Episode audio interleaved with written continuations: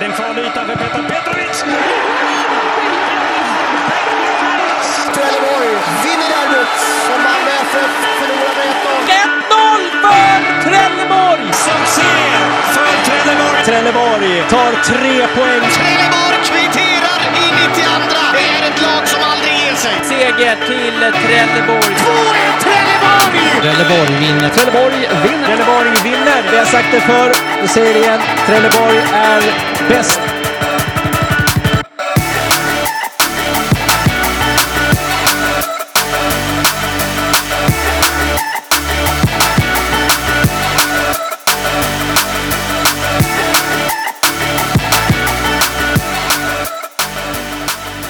Tjena förstås, hjärtligt välkomna till eh, ännu ett avsnitt av Palmpodden. Som vanligt superkul att ha er med. Eh, idag blir det ett lite speciellt avsnitt, man kan väl kalla det lite höga berg och djupa dalar. Eh, vi ska inleda med att prata lite om eh, damlaget och den triumf damerna nu har firat. Jag tror inte att någon har missat att eh, vårt kära damlag äntligen är klart för Elitettan efter tre eller fyra år i division 1, vi var inte säkra på det någon av oss. Eh, så ska damerna nu få spela Elitettan, det vill säga Trelleborgs FF har äntligen ett eh, damlag på elitnivå. Så det är helt fantastiskt. Eh, vi ska även prata om herrarna. Men vi skippar idag den senaste matchen mot Östersund och så diskuterar vi det istället utifrån ett bredare perspektiv. Eh, men kanske ännu viktigare än eh, liksom det negativa när det kommer till herrarna, eh, så ska vi snacka Anton Tideman. Mm. Eh, han har ju, det har ju annonserats nu, Anton Tideman lämnar Trelleborgs FF efter säsongen efter sju års trogen tjänst. Och vi ska ha ett litet samtal med Anton Tideman själv i podden, så det blir kul. Eller så? Ja, men det är bara att hänga med. Nu eh, går det av bara farten. Ja, då kör vi.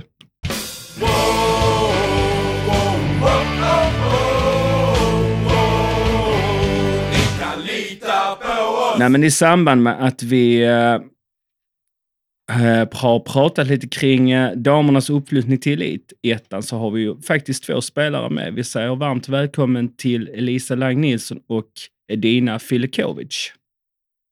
Tack så Tack så jättemycket. mycket. Ja, kul att ni ville vara med. Eh, vi satt ju precis och pratade lite grann. Eh, nu är det ju styvt en vecka sedan eh, avancemanget till Elitettan. Eh, hur är känslorna så här en vecka senare drygt? Nu har det väl börjat sjunka in lite tycker jag. Det, det har tagit några dagar att smälta det. Eh, Men det är såklart eh, riktigt kul. Det är det vi har kämpat för hela året. Så. Ja, och jag kan ju ändå tänka mig liksom det här. Och det är ju en diskussion vi hade med när du var med senast Elisa, det här med att vinna sin serie och sen ändå inte vara säker på en uppflyttning. eh, tvingas, ett, ting, tvingas till ett kval där. Ehm, först och främst, hur, hur såg, såg ni på seriesegern? Alltså, kände ni att den var värd att fira där uppe i Halmia när ni säkrade eller var det fullt fokus på kvalmatcherna mot, eh, mot Häcken som gällde direkt då? Nej, alltså jag känner ju att varje vinst är ju värd att fira och även som vi sa efter matchen, det var ju bara ett delmål att vinna mot Halmia men känslan att vi faktiskt vann gjorde att det är klart att det är värt att fira det. Ehm, så att vi hade ett litet firande där på lördag när vi kom hem. Och sen när man vaknade på söndagen så var allt fokus mot de här kvalmatcherna mot Häcken då. Ja, och eh, spelade två matcher mot Häcken, vinst med, eh, med 2-0 i bortamatchen. Eh, jag såg matchen via Veo. Eh, känns som att, eh, om vi börjar lite grann kring den matchen, eh, hur var känslorna och, och synen på motståndet på eh, Häcken uppe i Göteborg? Mm, det var, alltså det var ett tufft motstånd. Ehm, och alltså vi sa ju det efteråt att vi var väldigt nöjda med att få med oss 2-0 eh, hem igen. Ehm, sen är det klart att det är lika många minuter till som ska spelas. Så man ska inte ta ut något i förskott men vi var ju nöjda med resultatet såklart. Ja, och då kommer ni liksom till en match på Vångavallen. Som jag, för, jag, om jag har förstått rätt och, och såg rätt så spelades matchen på konstgräs där uppe, va? Mm, Det precis. stämmer. Eh, kommer till Vångavallen, trygga med, konst, eller, trygga med naturgräs. Eh, om man tänker liksom inför matchen, vad hade ni för tankar där? Vad var matchplanen så att säga inför matchen på hemmaplan? Ja, men matchplanen var väl bara att gå ut och fokusera på vårt spel. Ehm, det blir ju också, vi spelade ju 90 minuter borta mot Häcken och där fick man ju också se deras styrkor och deras svagheter, vad man kunde utnyttja. Så det tryckte vi lite extra på. Och eh, nej, sen var det bara att gå ut och ja, som sagt, det är ju 90 minuter till att spela så att det är fullt fokus från första till sista minuten. Vad var det ni skulle utnyttja där för svagheter? Nej, vi visste ju att de ville ju sätta, när de satte sin press så gick de ju ganska hårt så att då fanns det ytor på andra sidan så att, att vi skulle kunna utnyttja våra spelvändningar och eh, försöka komma runt på det sättet. Um, skulle ju vara nyckeln för oss. Ja, och ni får ju faktiskt en drömstart i, i hemmamatchen där i returen. Ni har mål 1-0 ganska tidigt. Eh, hur, pratet i halvtid, ni, ni har liksom en 1-0-ledning som, som står sig till halvtid. Hur Mm, går 3-0 totalt. 3-0 totalt. Jag sa det lite grann, men som åskådare går man in i någon sån här lite comfort zone där man bara så här, ah, men nu är det nog ändå färdigt. Hur var tugget i omklädningsrummet i halvtid? Nej, men vi pratade väl bara om att gå ut och fortsätta göra det vi har gjort ja, i de tre halvlekarna vi spelade tidigare och eh, bara fortsätta försöka utnyttja att det finns ytor om vi vänder spelet och försöka köra på det. Ni gick inte in i omklädningsrummet och började fira lite? Absolut. Det var det klart. ja, det hade kanske varit lite väl. Då är det klart. men, men eh, för oss som var och tittade och- på matchen, som, och för er spelare såklart också, men andra halvlek blir ju en, eh, en eh, otroligt eh, händelserik halvlek får man säga, där, där Häcken kvitterar fort direkt i stort sett i andra halvlek och sedan vänder helt och hållet på steken och har 4-1 ett tag och har faktiskt avancemanget där och då. Ehm, Mm. hur känns det vid ställning 1-4 på hemmaplan framför allt? Mycket folk på plats. Ja men det glider ur händerna liksom. Det glider ur händerna. Ta med oss i de känslorna. Nej, men det är väl klart att det känns ju inte bra att ha en, ja, men en 3-0-ledning och så vänder de till 4-3 på ganska så kort tid.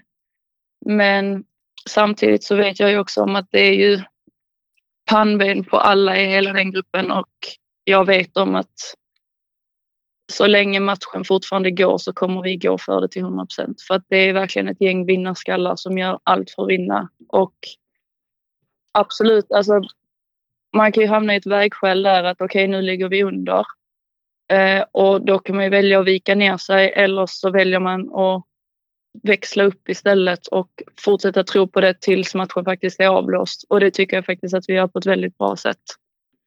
Ja, ni får ju också den här... Eh, det känns lite grann där direkt efter målet att jag håller med dig. Att det känns ändå som att det finns en tilltro hos er fortfarande. Sen får ni ju den här eh, biljetten in i det igen. Jag tycker det är otroligt svagt av deras målvakt som inte lyckas få undan bollen och, och bra gjort i situationen att stressa, få en, en straffspark och jämnar ut det.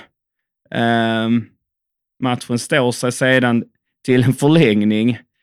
Hur går tankarna där när det, när det blir dags för förlängning? Ja, alltså det fanns inte så mycket att tänka om. Det, det var bara till att försöka ladda om. Man visste att det fanns 30 minuter kvar att spela på och det är också de sista 30 för säsongen. Så då är det bara till att ut och släppa på handbromsen och kämpa in i det sista helt enkelt. Ta fram de här vinnarskallarna som jag har pratat om att tjejerna faktiskt har. Mm. Eh, Och någonstans ta så ger, det. Eh, förlåt. någonstans så ger det ju väldigt mycket energi att ja, men när vi väl sätter den här pressen på målvakten och sånt, det ger energi till hela laget och man känner att nu är vi på gång, nu har vi någonting eh, att ta i igen. Mm. Eh, så det kändes som att eh, det blev en liten nystart där inför förlängningen.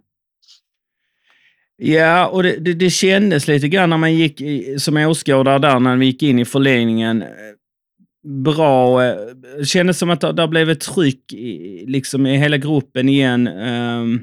Det är så här, sånt som ger energi. ja, det så här när man tittar på hockey och de bara ger någon sån skitful tackling med nacken in i plexit. ja, men Hela laget så. på pumpar upp sig.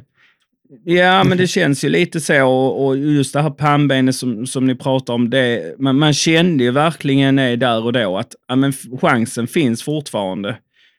Um, kände, ni, ni liksom, kände ni av, det var ju otroligt mycket folk måste jag säga. Kunde ni liksom ta in det? För att sanningen är, där brukar, där är det, vi är ju några tappra som tittar på era matcher annars. Ku- Kunde ni känna av publikstödet som fanns under matchen också? Ja, verkligen. Alltså publikstödet var guld värt och det är ju så vi vill ha det varje match. Ehm, så att absolut att det spelar en stor roll i det. Det betyder verkligen så mycket och det gav energi när man behövde det som mest. Härligt. Eh, I förlängningen, så, det, det, det känns nästan som att matchen är liksom så regisserat till liksom, från någon, tagen från någon sån här sportfilm eftersom det nu också slutar lyckligt. Eh, tar ju ledningen i förlängningen också och Häcken kommer tillbaka. Det var liksom så här, den här matchen kommer aldrig ta slut. Lite så kände jag, kände jag ett tag. Eh, Häcken kommer tillbaka där, en straffläggning, väntade eh, ännu en gång. Hur, var det mycket nerver eller för att så här med facit i efterhand så sätter ni alla straffar. Var det Mm. mycket nerver eller var det ett jävla renamma när ni samlas inför en straffläggning? Mm, jag tror nog mer det var ett jävla anamma. Att vi visste att vi har ju fortfarande det i våra händer och om vi bara går ut och gör vad vi ska, det vill säga göra mål på våra straffar, så hade jag full tillit till att eh, Jen, vår målvakt, skulle plocka någon av deras. Ehm, och det var ju precis det som hände. Ja. Hon var ju väldigt hyllad efter matchen. Mm. Och gör en eh, kanonmatch, några riktigt eh, vassa räddningar. Alltså under matchen också, så jag var också helt övertygad om att hon skulle ta någon straff. För att man har en bra känsla med sig in till straffläggningen. Så. Ja, jag håller med där. Alltså jag, jag kände också någonstans när vi gick in i strafflängden att ja, men vi tar detta. Uh, känslan fanns där. Ehm, det låg liksom någonstans i luften att när det väl gick till straffar så kändes det som nej, men det här, det här, det här kommer att gå. Du följde det och Dennis, jag lyckades ju så starta en uh, livechatt, så jag, jag vet inte hur mycket du såg. Nej, det var inte jättemycket. Nej, du hörde nog mer reaktionen. Ja, Ja. Jag skulle precis börja jobba så jag fick en sån där jävla videosamtal. Ja. Vi försöker sitta där och lista ut vad fan som hände. Ja, ja du, du fick väl tyda på... Nej, Jag hörde på reaktion. reaktionerna hur, Ja. hur, hur straffläggningen gick. Ja. När uh, skrek att de skulle missa när Häckenspelarna gick fram. nej, nej, det var... eh, Jag och din bror, vi var helt... Jag, jag tror inte någon av oss har varit så här på länge. Eh, det, det, det, båda två var helt uppkörda. Så att, eh, det var, men det var sjukt kul. Slutar lyckligt. Eh, för oss som åskådare, hur är känslorna liksom när det väl är klart? Liksom när ett så pass stort mål är färdigt. Eh, vi pratade lite grann på läktaren att, och, och jag var kanske lite väl pessimistisk som sa att går vi inte upp i år så, så lär vi inte göra det nästa år i och med Malmö FFs avancemang till serien, att det hade varit otroligt tufft. Ehm, kan ni dela den känslan att, som jag har, att det hade blivit otroligt svårt nästa år att gå upp? Ja, men sen eh, serierna läggs ju om också så att division 1 blir ju en tuffare serie nästa år också. Mm. Än vad det redan är. Eh, vad sa du? Ja, än vad det redan är. Mm, precis. Eh, så, men det är såklart eh, en obeskrivlig känsla. Eh, det är tredje året jag är i klubben nu och man har haft det här som målsättning länge. Så det, ja. Ja, hur ser ni nu på nästa år? Först och främst, ni följer med till Elitettan, eller? ja, då kanske vi ska ställa frågan. Ja, det är Ja. om klubben vill ha kvar en. ja men precis. Nej, men såklart det känns helt fantastiskt. Som Elisa sa, jag har också varit där precis lika länge som Elisa och det har ju alltid varit målsättningen. Så att, att vi äntligen har lyckats med det känns ju fantastiskt. Och att vi ska få den här möjligheten att spela i Elitettan nästa år eh, känns ju otroligt roligt. Det kommer ju bli mycket tuffare än vad det har varit i år och det kommer krävas ganska mycket mer av oss. Men jag tror att vi är redo för att ta det steget upp nu. Ja, om man tittar lite på Elitettan såklart så kommer det bli tuffare. Eh, tar ju steget upp och ligger jämnt med herrarna nu om man tittar på seriesystemet. Eh, vad är målsättningen? Har ni pra hunnit prata någonting om det inför nästa år? Nej, då har vi väl inte eh, hunnit med direkt. Men först och främst så handlar det om att etablera sig i elitettan. Det är ju stor skillnad mellan eh, division 1 och elitettan så är det ju. Eh, sen är det klart att eh, eh, vi inte ska vara med och tampas i botten utan vi siktar högre än så. Ja, men, om man tittar kanske lite grann på andra klubbar som har, som, som har av mindre dignitet än Trelleborgs FF som förening. Jag tänker på ett lag som Borgeby exempelvis. Mm. Mindre klubbar har ju haft otroligt svårt att steget har blivit för stort. Eh, Ni pratar ändå om att etablera sig, inte vara med i botten. Och det känns väl ändå fullt realistiskt och någonting som vi faktiskt får en tilltro till, tycker jag. Mm. Ja men verkligen. Och vi har ju en klubb som står bakom oss till 100 procent och vi har verkligen alla förutsättningar för att klara av det. Så det är ju verkligen bara upp till oss själva nu. Det, det, vi, vi båda två Dennis, vi ho, hoppas med... med, med Ja, men det gör man förstås. Ja, Mm. absolut. Um, är det någonting så som ni känner så här nu i efterhand? Alltså, nu är säsongen slut. Ehm, uh, nu väntar ju lite ledighet och sånt här. Uh, hur, hur tufft är det liksom så här och, och är batterierna helt liksom så här, nu tänker jag mer som en persona som människa, är batterierna liksom slut eller man, man lever liksom på avancemanget fortfarande? Jag känner nog lite tumhet. Eh, Mm. Alltså det, det blir ju så. Vi har haft så sjukt roligt tillsammans.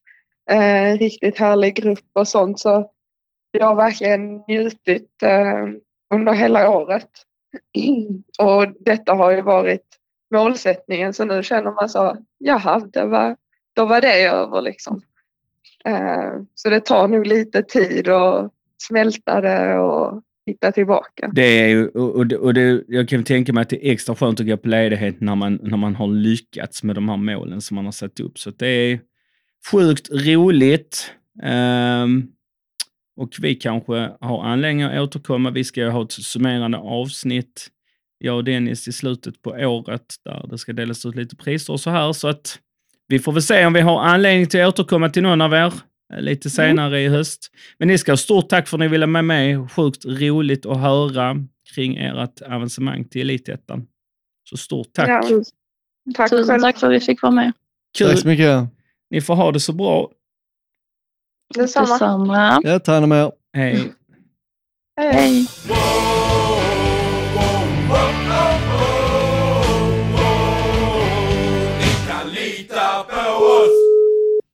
Ja, det är Hans. Hallå Hasse! Hallå för fan. Hallå! Demontränaren. Demontränaren. Ja, det vet jag inte. Demontränaren Hasse Malmgren. Ja, det är... Nej, men skämt åsido. Eh, vi har precis satt med Edina Filikovic och Elisa Lang Nilsson och såklart har vi även mannen bakom allting, Hans Malmgren, damtränare. Ja, Hur är läget Hans, så här en, Mannen, styvt en vecka efter avancemanget han som till elit? styr alla dockorna med sina trådar. Ja, precis. Ja, det är väl, eh, det är väl eh, skönt. Det är en lättnad att, man har, eh, att vi har lyckats med det vi har satt upp att vi skulle göra. Så att, eh, kan väl inte säga att man har inte har levt under en, eh, en stressad sista period. Eh, sen spelardröget tur egentligen inför Sandby-matchen. Mm. Efter det så har man har det varit eh, har det varit lite stress. Alla har ju förväntat sig att vi skulle ta det detta året. Alla har pratat om det. Trelleborgs FF vinner och går upp.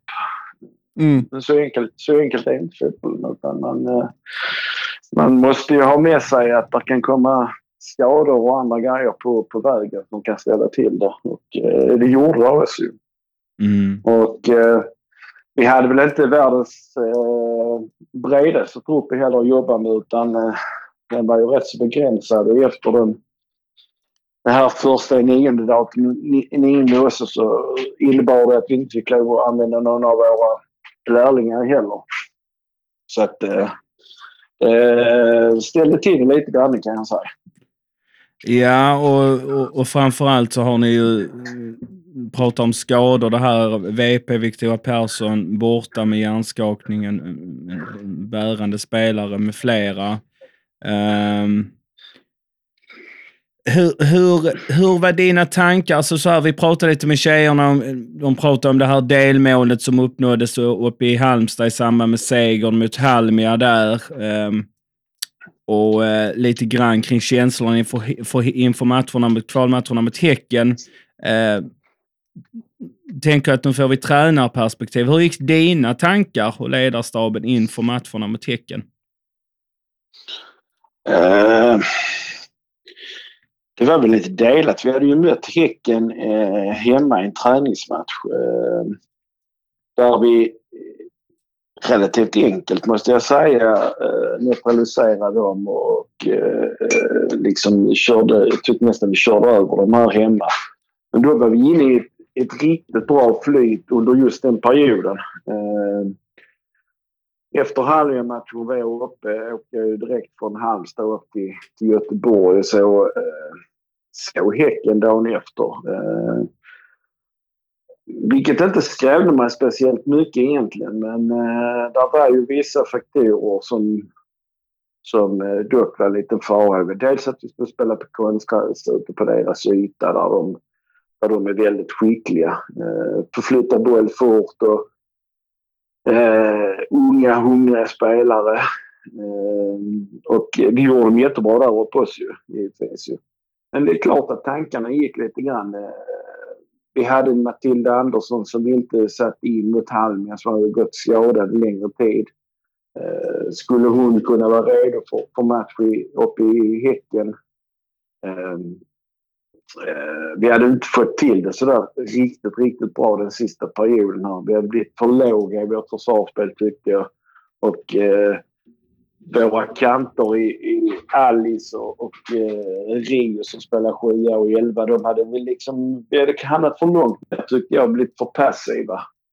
Eh, och sen var ju hela tiden frågan, skulle en VP kunna komma tillbaka eller inte komma tillbaka? Men det fick vi ju rätt så snabbt reda på att så blev inte fallet. Och det kostar nog också rätt så mycket också en VP som dock gjort 13 mål på 15 matcher. Eh, att inte ha med henne och vi vet vilken, vilken eh, matchvinnartyp eh, Victoria är. Så att, um, det är många som sa att vi skulle köra, ta över Häcken också bara. Men uh, jag var lite orolig måste jag säga. Ja, Ja, Ja, och går in, går in inför matcherna där mot, mot Häcken med, med lite skador, lyckas vinna på deras konstgräs uppe i Göteborg med 2-0. Eh, samtidigt ett orosmål där kring Elisa som inte spelade hemmamatchen, ytterligare en skada. Eh, hur var känslorna inför hemmamatchen där eh, förra söndagen på Vångavallen? Känslan var väl ändå rätt så bra att de skulle få komma ner till oss liksom och spela naturgräs. Vi hade 2-0 med oss. Och, eh, ja, den känslan tyckte jag var rätt så bra. Liksom på vår hemmaborg där eh, vi är starka.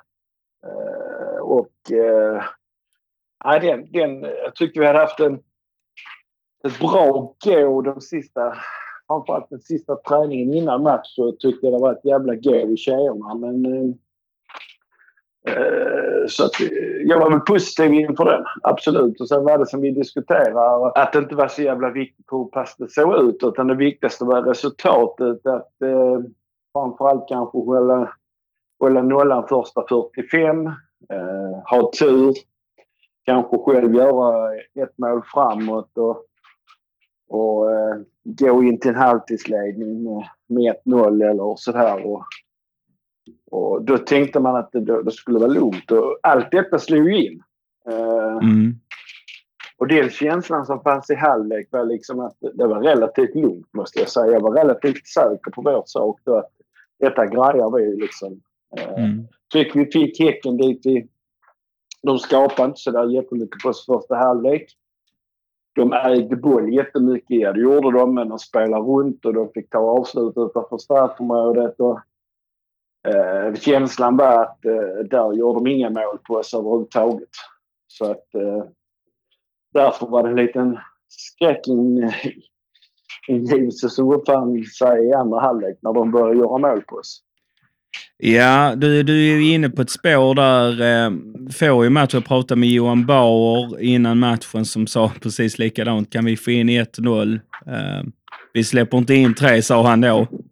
Eh, och, och lite den känslan infann sig som åskådare också. Eh, jag, jag var också ganska så säker i samband med hur spelet såg ut där i första halvlek. Men 1-0-ledning att nej, det här tappar vi inte. Eh, men vi pratade lite med tjejerna innan om känslan liksom så här i andra halvlek. Ehm, ta med oss lite grann med dina känslor som tränare i andra halvlek. Hur mycket puls hade Hans Malmgren vid ställning 1-4? Usch, det var, det var så många tankar som flög i huvudet.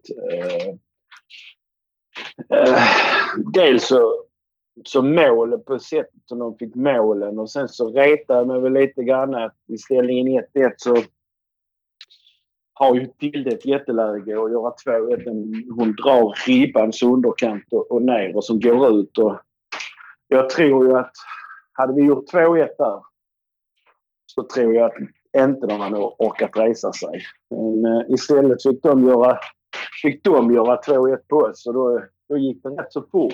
Eh, kanske mål som jag inte trodde vi skulle släppa in. En hörna bland annat. Jag tycker vi är relativt bra på hörnorna. Och, eh, men det var grejer som man blev frustrerad över.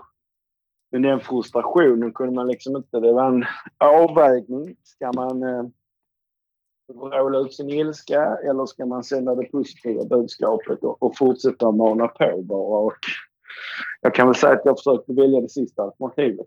Mm. Ja. Eh, men det var ett, eh, ett rent helvete att stå sidan om. Hur, eh, hur, hur mycket... För jag förstår att man måste liksom ändå hålla, hålla modet uppe som tränare, men är det inte en del av en som ser så här, nu står det 4-1, som känner bara fan det här rinner oss rätt ur händerna? Alltså så kändes det lite grann för att om vi är ärliga så hade de ju... De hade ju bollen betydligt mer än oss. De ägde ju eh, spelet mer än oss. Eh, sen tycker jag väl ändå när vi gör 4-1 så, så är det precis som där släpper någonting i, i de här tjejerna och eh, då kommer det här tävlingsdjävulen fram i dem igen med de här tjocka pannbenen som de har de här tjejerna. Att fan, vi ska inte losa detta liksom. Och man ger det där sista och så får man en, en straff eh, på, ett, på, ett, på ett någonting som egentligen inte är någonting där Alice jagar fast eh, målvakten och hon slarvar. Vi får, vi får en straff på det liksom. Eh, och då, liksom, då växte hoppet igen givetvis. Eh, Imme som hade kommit in då och hon har ju hon har inte missat någon straff tidigare år och eh, därför känner mig rätt säker när hon stegar fram. Liksom. Tänkte jag nu, nu har vi en chans till här. Men eh, samtidigt så ska, fortsatte de ju skapa chanser även efteråt. Och man känner ju, en- kände ju liksom, ska fan ska allt detta rinna iväg på 25 olyckliga minuter som vi, som vi levererar under ett år? Mm. Där tjejerna har jobbat, som, eh, jobbat fantastiskt bra och hela den här, eh, under hela det här året lagt ner så mycket tid och energi. Och jag kände väl mer för spelarnas skull att eh, fan, detta var de inte värda att, att vi skulle losa på grund av, av de här 25 minuterna. Tror du det kan vara lite nerver som spelade in i det hela? Det var det säkert. Eh, sen kan man inte underskatta betydelsen av Elisa Lang Nilsson. Vår lagkapten, vår handförare. Mm. Eh, det är ju navet i, i vårt hjul om jag säger så. Hon är ju en fantastisk lagspelare, fantastisk på att få med sig gänget och eh, en pådrivare. Eh, och hela den biten liksom. Och inte ha med Elisa i den sista avgörande matchen när det är så mycket som står på spel. Den, eh, jag tror det betyder otroligt mycket att inte Lisa var med. Eh, förringar ingen andras insatser på det viset. Men en Elisa är en Elisa och hon är enormt eh, viktig för det här gänget. Ja, just avsaknaden av Elisa var nå- någonting som, som jag faktiskt sa till Dennis bror Linus som såg matchen. Att eh, det märks att Elisa inte är med, sa jag. Eh, ganska Ja. tydligt. Eh, som du sa, navet i, i laget helt klart. Eh, och så just en avsaknad av en Victoria Persson sedan tidigare också. Mm. Eh, men, men ni lyckas ju som sagt där få 2-4, en förlängning väntade, tar ledningen i förlängningen. Hur är känslan när de återigen kommer tillbaka där i förlängningen? Ja, först och främst så Alice mål är ju Ja. fantastiskt. Helt fantastiskt. Alltså, de här målen springer hon och gör på träningarna dag, eller vecka ut och vecka in. Hon har en fantastisk högerbössa som det bara sjunger om. Och eh, väl värt att hon fick lov att göra det här, det här målet. Men, eh, och då tänkte jag, fan, nu går det vägen. Och sen så tog det ett par minuter så fick de en straff. Och, ja, då gick ju rullgardinen ner igen. Och än en gång var det liksom... Då var min tanke, vi tar det till straffar förhoppningsvis. Där tror jag att vi är starkast. Eh, jag hade väl rätt så god tilltro till dels att eh, lite rutinerade tjejer som har varit med innan mot deras yngre spelare. Eh, så att eh, kunde vi få det till straffar så var jag hundra på att nog Jennifer skulle ta i varje fall en i målet. Men eh, det var ju en hopp och förtvivlan, absolut. Och eh, de saknar ju inte chanser för att avgöra det heller, Häcken. Så att, eh, Nej, det får man väl ändå vara ärlig och säga. Jag tyckte det var en väldigt ärlig analys du gjorde för officiella hemsidan. Eh, men fotboll är inte alltid rättvist eh, och, och, och kanske var summa summarum det, det rättvist att till slut blev som det blev. Det var ju som en regisserad film, sa jag till Dennis innan. Ehm, det- kändes helt sinnessjukt. Som åskådare var det ju fruktansvärt måste jag säga. Men med en otroligt lyck, ett lyckligt slut, så att säga. Um, var det svårt att ta ut straffskyttar? Du pratar om rutinerade spelare och så här mot deras yngre. Var det lätt? Och, ehm, Ja, vi, vi hade väl eh, vi hade kört lite straffar på, på fredagsträningen. Eh, dock är det inte detsamma som att slå en avgörande straff i ett, i ett kval här. Absolut inte. Men jag hade väl ändå rätt så klart för mig eh, vilka jag skulle välja. Eh, jag var helt säker på, eh, på Ebba Wendt och därför bytte jag in henne när det var tre minuter kvar av matchen. Eh, Ebba Janfors hade varit rätt tydlig i sista förläggningskvartens paus där att hon absolut inte ville slå. Och sen fick hon en smäll. Och eh, jag kallade till mig Ebba rätt så eh, tidigt i första förläggningskvarten så att hon skulle göra sig redo på att hon skulle in. Och hon var väl inte sådär jättelycklig på mig att hon skulle behöva gå in och lägga en straff men eh, vi var rätt så tydliga med att hon skulle, hon skulle ta det. Hon gjorde det. Hon gjorde det ju fantastiskt bra. Eh, jag vill säga att det, det var en av de fem jag hade plockat ut som, som kom och sa att de inte ville. Eh, och eh, då liksom, ja, då lät vi det, lät jag det vara och så plockade jag en, en, eh, en femte straffläggare istället. Eh, I Linda Forslund som skulle gå in och slå en avgörande. Så att, eh, de, de hade jag rätt så klart för mig vilka som skulle slå. Ja, och det slutar ju, ni håller ju den här kval... Det här, det är helt osannolika om man pratar om en, klubb som Trelleborgs FF. Aldrig förlorat ett kval, lyckas hålla liv i den sviten. Eh, och tar eh, faktiskt upp på ett, eh, jag, jag skrev ju på sociala medier att det var lite likheter till herrarnas kval mot BP. Samma, egentligen samma typ där det avslutas med straffledning och ett avgörande och betyd, digniteten av betydelse. Just att för er del att ta er upp i eliten och för TFS del att, att för herrarnas att behålla sig kvar i eliten. Um, och ni gör ju det på ett fenomenalt sätt, precis som herrarna sätter alla era straffar och Jennifer tar en. De dunkar en i ribban. Det gjorde, var det en i BP som också gjorde, så det var väldigt mycket likheter. Um, när, när det är klart, när Häckens straff går i ribban och ut, vad är det för känslor som går igenom kroppen då? Alltså, det är, först och främst är det bara en otrolig tomhet och, och en lättnad att man eh, liksom... Man, där är hundra tankar som far i huvudet. Fan, tänk om detta hade gått åt helvete. Eh, man tänker så mycket på tjejerna, all tid de lagt ner och allt det här. Och skulle vi misslyckas på grund av en sketen match? Men just eh, tomheten och, och lättnaden att eh, det gick vägen liksom. Men kan jag tänka mig allt skriverier, allt snack det hade blivit om, om vi inte hade klarat det när man går in ut i en andra halvlek och har, har 3-0 egentligen. Och alla tror att allting är klart.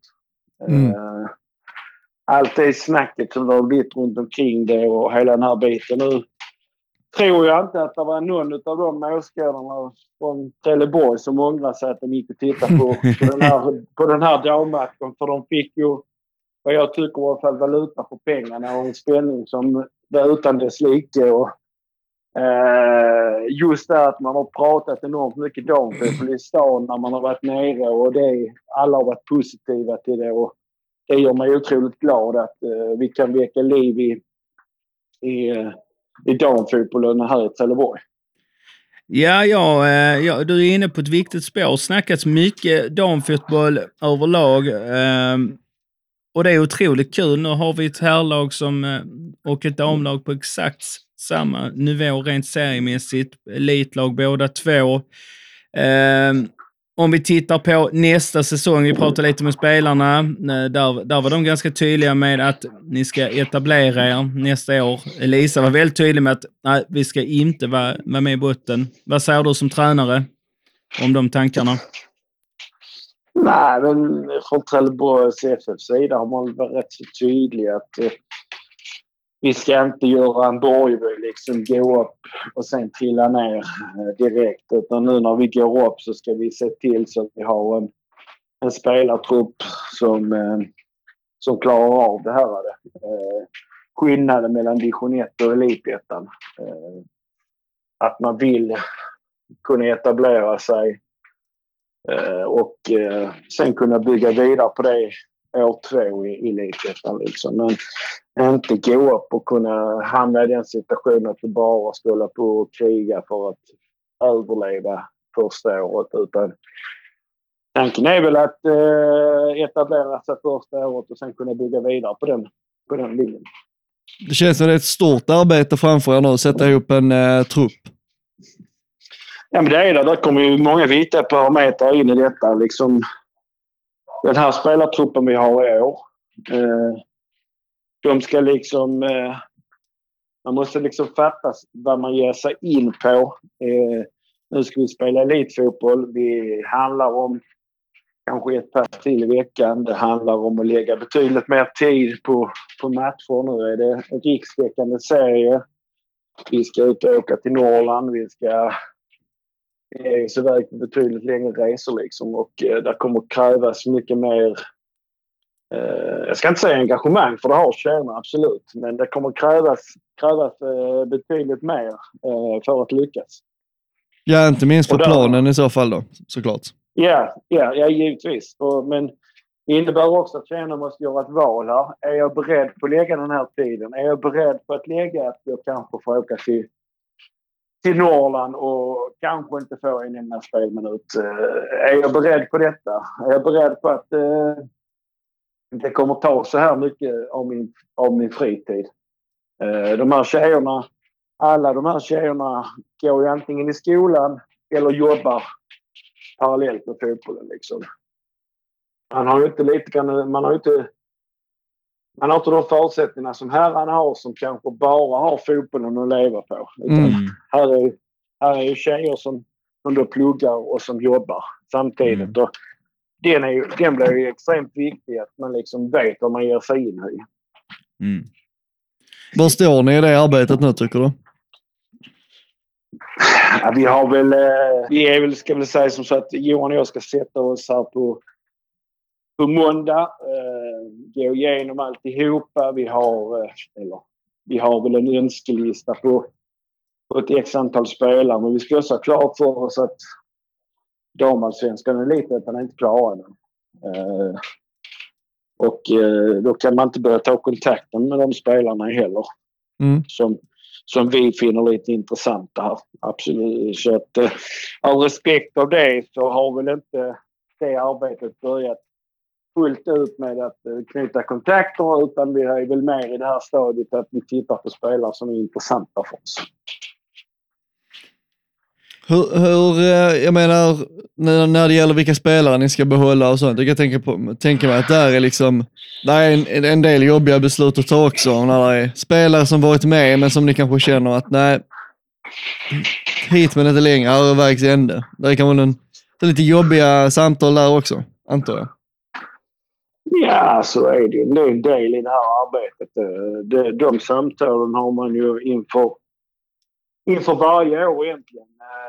Eh, Sen tror jag att en del av, av eh, tjejerna eh, känner på sig lite grann och Mm.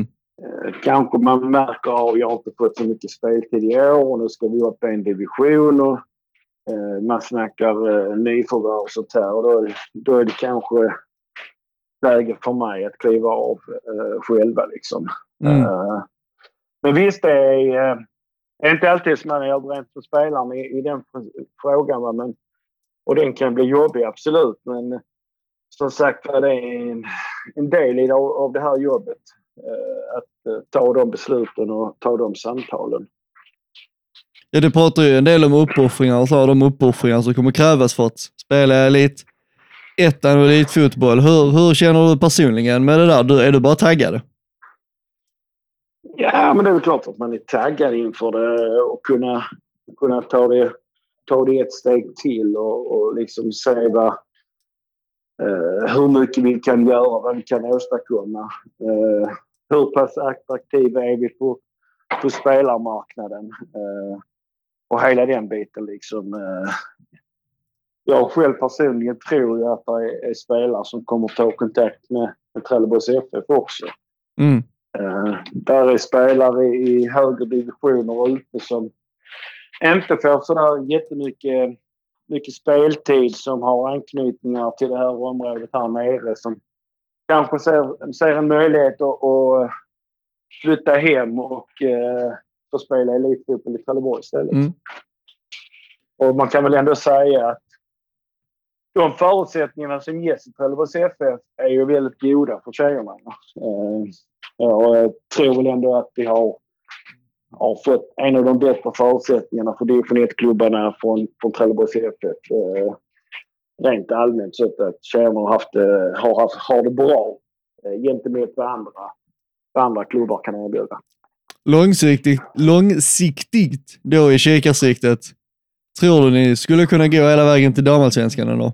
Jag förstår att det är långt fram, men är det någonting som finns där i, i periferin? Man ska, aldrig säga, man ska ju aldrig säga aldrig, men eh, visst det är ett... Eh, det är mycket som ska klaffa eh, för att man ska göra det. Och jag tror ju att eh, dels har man ju sett eh, att de lagen som har tagit steget från elitettan och upp i damallsvenskan har haft eh, jättestora problem. Och Mm. i regel är det de lagen som, som har trillat av. Och lite grann, eh, om man säger som så, så så måste man först bygga en grund att stå på och innan man kan ta nästa kliv. Och, eh, jag tror inte det är en omöjlighet. Absolut inte. Inte med, med rätt förutsättningar från klubben och, och hela den biten. Så att eh, man har ju sagt lite grann på skoj att 2026 vill man att bägge lagen ska vara där, där, klubben fyller 100 år. Ja, just det. kan man, kan man lyckas med det med, med tanke på att ha bägge lagen i Allsvenskan, har en ny arena på plats, så hade ju det varit fantastiskt 100-årsjubileum för klubben. Ja, det hade varit fantastiskt. Sen tror jag kanske inte herrarna spelar allsvenskan på eh, 40 år. Om jag, det är min känsla eh, så här, just nu. Den kanske ändras så, så, småningom, men det hade ju varit, det hade varit rena drömmen med eh, dubbelt allsvenskt lagom till 100 års jubileumet faktiskt. Ja, det hade varit... Eh, framförallt hade det varit roligt för klubben också att eh, kunna fira ett 100-årsjubileum med, med två lag i den allra högsta serien. En, en dock en lite mindre stad som, som Trelleborg med inte eh, liksom kunna ha två elitlag. Och det, det är inte många, många föreningar som har, har det här nu liksom med två eh, elitlag. Ja, precis. Tror, jag tror de lämnat att det var sju lag och de andra lagen är liksom allsvenska lag med, med lite större börsar än vad vad Trelleborg har. Precis, det var ju så här typ, eh, alltså ganska stora allsvenska lag som har Mm. två dubbla lag i, i eliten. MFF till exempel har det ju inte, men det var väl typ Göteborg, Häcken, eh, något Stockholmslag. Norrköping. Norrköping, just det. Norr- Ja. BP, eh, Hammarby. Eh, det är ju de här gängen. ju. Alltså det säger ju någonting för er och slå, eh, för hela Trelleborgs FF att slå sig in i den kategorin klubbar också. Absolut, och det visar ju dock att man, eh, man, gör, någonting, eh, att man gör någonting bra här nere i, i lilla Trelleborg. Så att eh, bara det liksom kan väl eh, väcka, väcka de här spelarna som är i andra klubbar och kanske inte får så jättemycket speltid i de här elitklubbarna att eh, komma hem till Trelleborg istället. Liksom. Ja men precis, men det är ju lite så det har funkat på här sidan många år också när lag och att TFF har varit ett framgångsrikt lag i, allsvenskan. Att det har varit lite så här, dels hemvändare men också typ så här spelare som kanske inte riktigt får speltid på andra ställen. Och börjar om lite grann. Absolut. Eh, och eh, man kan väl också säga att i det här bygget så gäller det att fortsätta vara, vara noggranna med vad vi tar in eh, i gruppen. Eh, det ska inte bara vara bra fotbollsspelare utan ska passa in i gruppen också.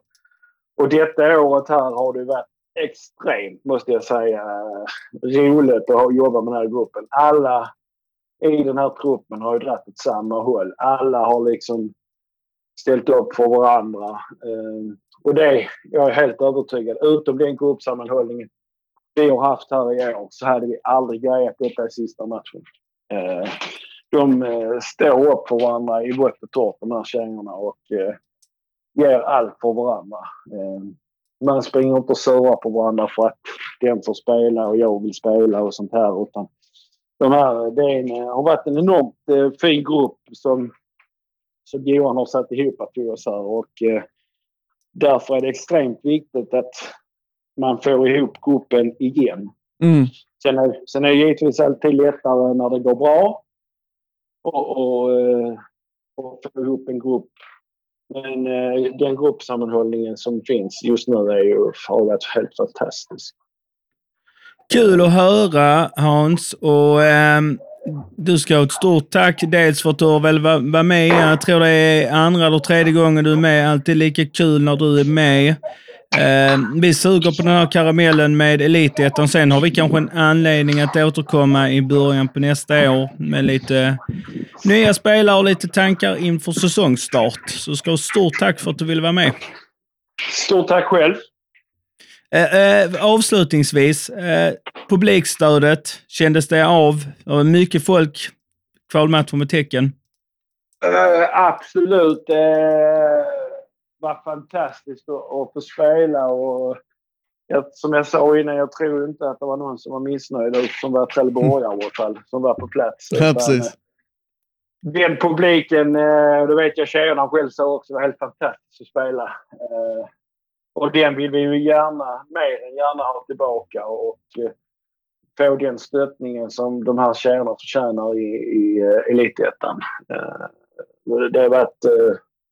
Ja, det var fantastisk stämning i sista matchen. Jag tror väl att emellanåt var publiken för tyst för att man var lite nervös och man var spänd på vad som skulle komma och sånt här. Och, men eh, när man väl tände till ordentligt så eh, är det ju, var det ett bra tryck här och eh, jag tror det var upp mot en 800 personer på, på matchen och det är ju jättetrevligt att ha på en, eh, på en dammatch.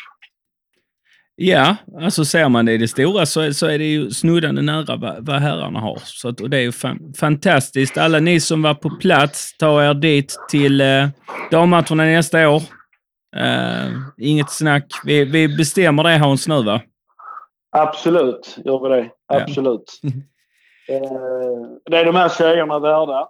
Absolut är de det. Så att, eh, Grymt. eh, vi, vi lovar att göra vårt bästa för att det eh, ska bli så bra som möjligt och ska spela så attraktiv fotboll som möjligt i, i Elitettan eh, 2023.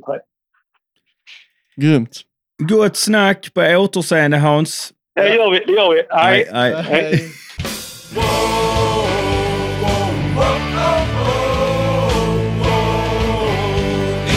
Kul med, eh, med lite tankar och eh, känslor kring eh, damernas lyckade match eh, mot Häckens akademilag där det slutligen blev att TFF totalt 6-5 efter straffar tar sig till elitettan.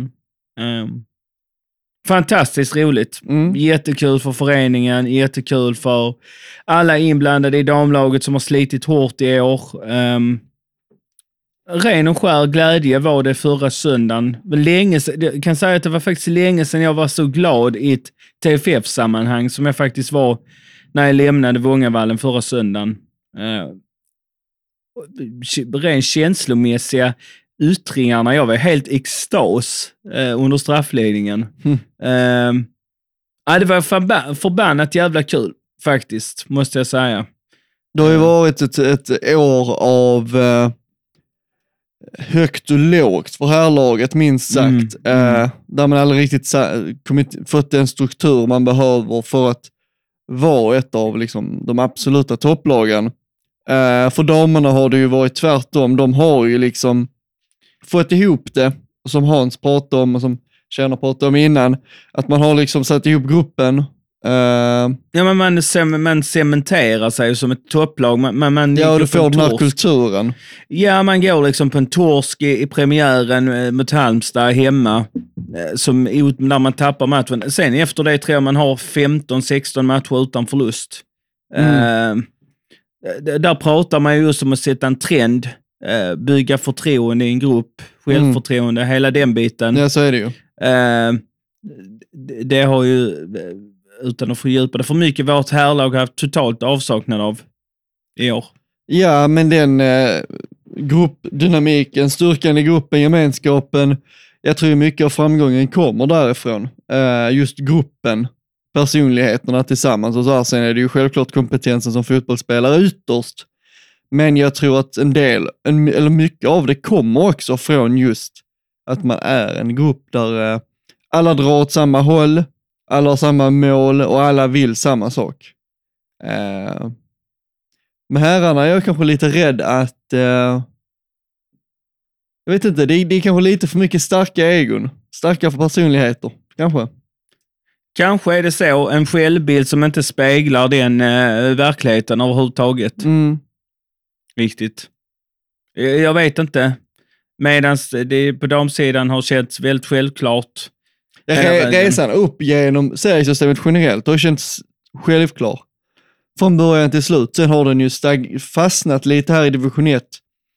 Vilket man väl var beredd på att det skulle liksom, eh, att det blir jobbigt i division 1 för det är, så, det är så svårt att gå upp från den serien. Och jag kommer ihåg pandemisäsongen 2020, var det första året i division 1 eller var det andra? Kommer du ihåg det? Eh, man har väl gjort totalt tre säsonger. Så det var det första året? Ja, eller om det var andra. Ja. Ja, man, har tre, man tre eller fyra. Jag, jag är lite osäker. Kan väl nog vara så att man gjorde fyra säsonger. Ja, Känns inte som pandemiåret var det första. Utan Nej. tror, tror, tror att det är fyra år man har gjort totalt.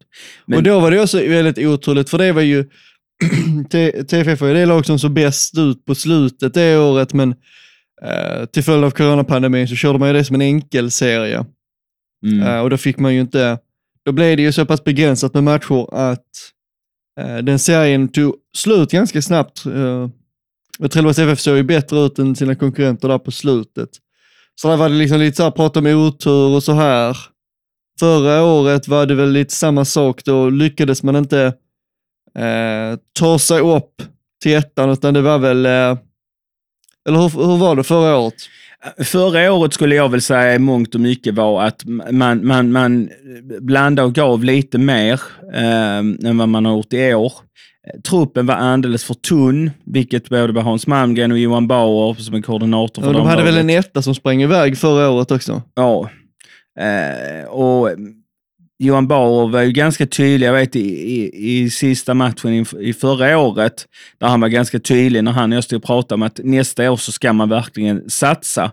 Och TFF som förening har ju gett möjligheterna för att man har ökat budgeten för damerna bland annat, som, som har möjliggjort att man har kunnat satsa på ett annat sätt i år. Eh, och det har ju gett resultat. Eh, och det eh, innebär ju också att man får en bredare trupp. Eh, Hans pratar om det, att trots det så har den varit tunn, men man har ju också haft tapp av Victoria Persson, Mm. eh, som jag skulle kanske likna lite grann vid Henry Offi om, om man gör en jämförelse till herrarna rent produktionsmässigt, eller Petar Petrovic, en spelare som gör 13 mål på 15 matcher. Det är tufft att få en sån spelare ur, ur, eh, ur spel. En Tilde som, som forward, eh, gjort mycket mål, men dragits med lite skadebekymmer, varit otroligt slitit så otroligt mycket på henne. Eh, det, det, det, det är många spelare som, som det, det har varit hårt tryck mot, samma mot Elisa då, Lang Nilsson, lagkapten. Eh, så att det har nog gjort, den här, den här satsningen har ju gjort att man ändå har haft, haft andra spelare. Man plockar in en sån som Rio Strand nu i somras som har varit jätteduktig. Um, och det har vi kanske gjort att man har tagit det här sista steget.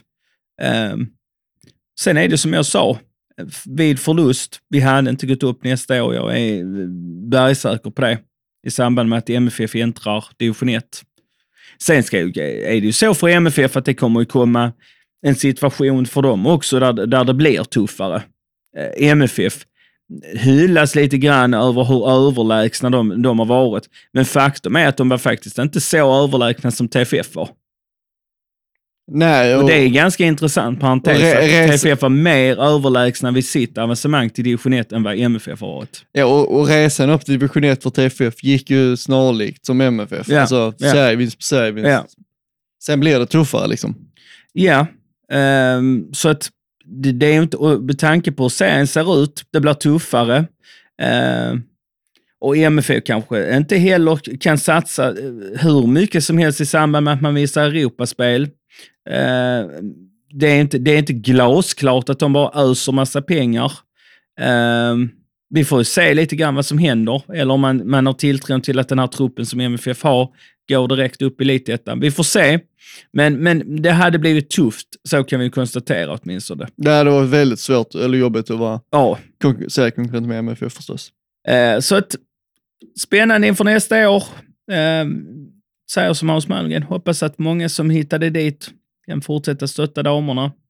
Eh, för det var förbannat kul. Jag och Linus drev och, och eh, Patrick John och några andra till var vi som eh, eldade på publiken lite, så vi får väl ta- Mm. en del Ja. av den credden. Får göra det. Ja, vi, vi tar åt oss av den. Tackar och bugar.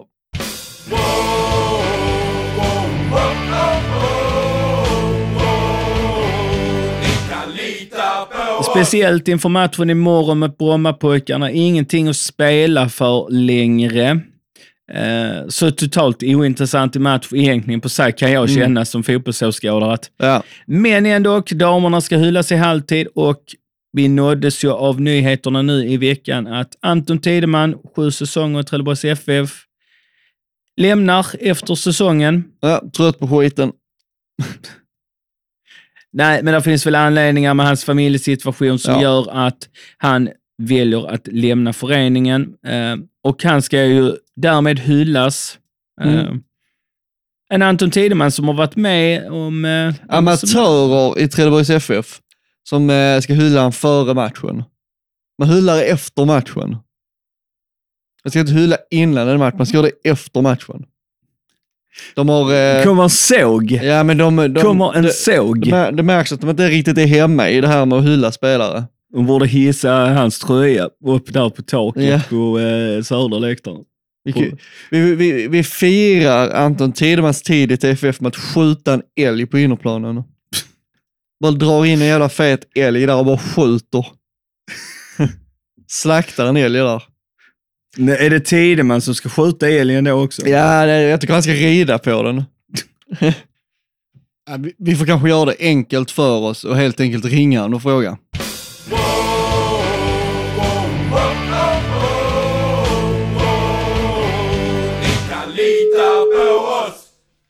Anton? Tjena Tide, hur är läget? Jo, det är bara bra. Själva med. Jo, för fan, det är bara bra. Det är bara bra här. Kul att du eh, kunde vara med en liten stund. Det var roligt. Ja. Första och sista gången i en podd tror jag. ja, det vet man aldrig. Nej, så är det. Så är det. Hej Anton, mycket. Hej, hej. allt bra med dig? Det är bara bra med mig. Det Härligt. tycker jag. härligt. Ja, det var eh, snabba ryck att du gör din sista match, eller sista, sista matcherna nu på säsongen. Mm, mm. Eh, ja, de ville ju gå ut med det nu eh, inför sista hemmamatchen så att man kunde få någon blomma eller någonting kan jag tänka mig. Eh, så det, det känns, väl, känns väl rimligt och det känns också konstigt på något sätt. Jag har ju varit i Trelleborg i sju år så det känns otroligt konstigt att, att lämna men det, det, det är nog rätt tid känns som. Eh, det är dags för oss att bege oss hemåt, vilket känns, känns rätt. mm. Är eh, frugan eller sambon eller vad det blir också f- från Halmstad? Ja, hon är från Halmstad också. Ah, okej. Okej.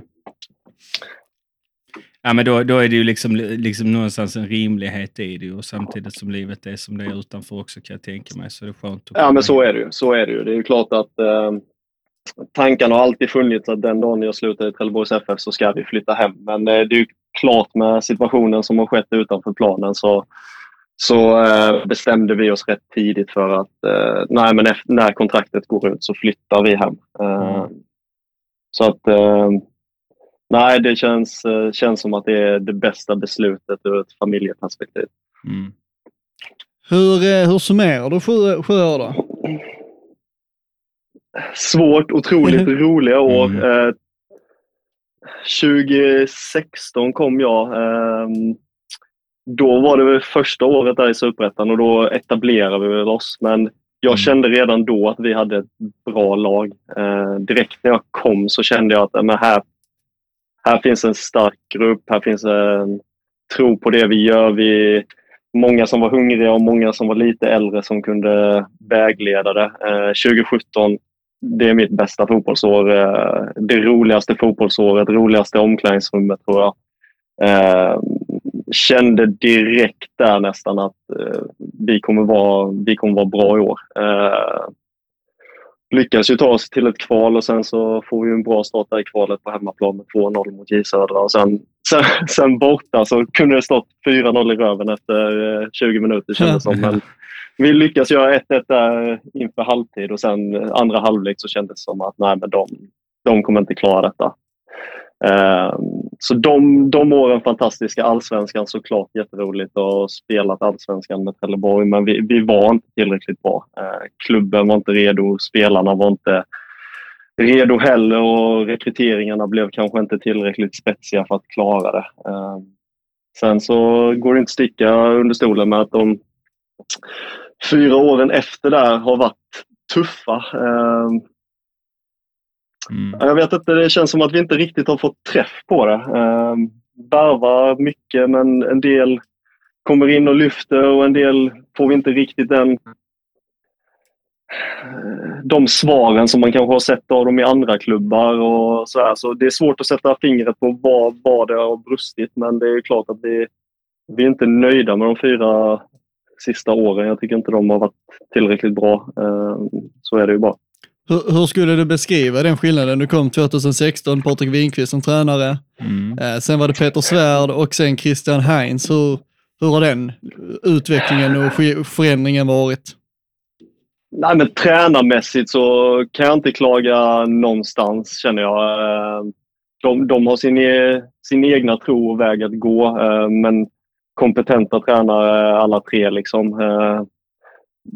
Däremot så kanske man kände att mixen när jag kom bland eh, de som var äldre men som ändå var i en Mm. ganska så bra ålder med mycket rutin och sen eh, de som var yngre var väldigt, väldigt hungriga. Så jag tycker den balansen framförallt blev väldigt bra. Eh, Mm. Sen så tror jag där och då att det var rätt av Trelleborg att eh, ha en anknytning med lokala spelare. Jag kommer ihåg när jag presenterades liksom att då, då presenterade man mig som att mina föräldrar var från Helsingborg för att jag skulle räknas som skåning. Eh, Det är det så, så då, eh, då hade Trelleborg den vägen att gå. Men sen såklart när vi gick upp i Allsvenskan så hade de fortsatt på den inslagna vägen så hade det antagligen inte blivit tillräckligt stark trupp.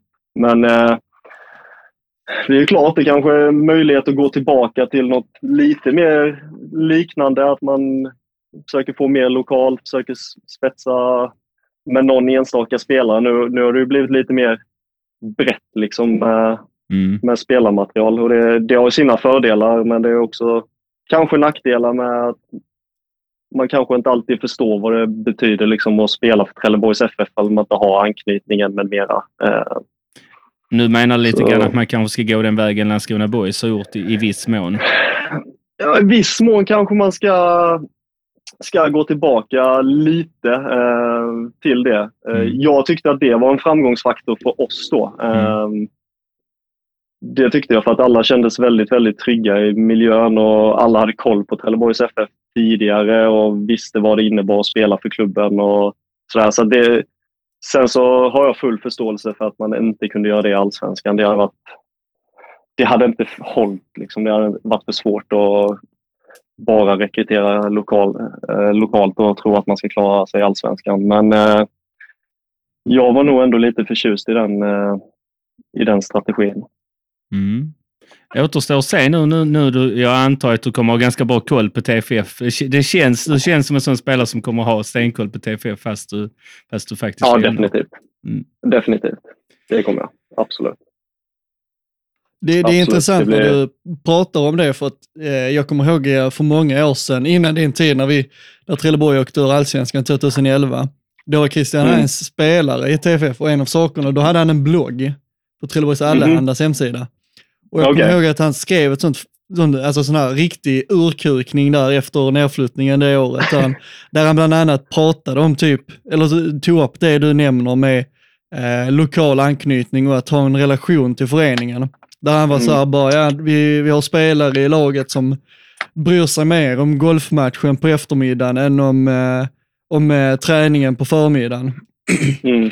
Mm. Kan det bli lite så tror du att det liksom, eh, man värvar in spelare med en ganska hög profil och att de kanske är liksom bättre än Trelleborgs FF när de kommer? Jag förstår att du inte kan peka finger Ja, mot någon, nej. men alltså, kan du se tendenserna av det?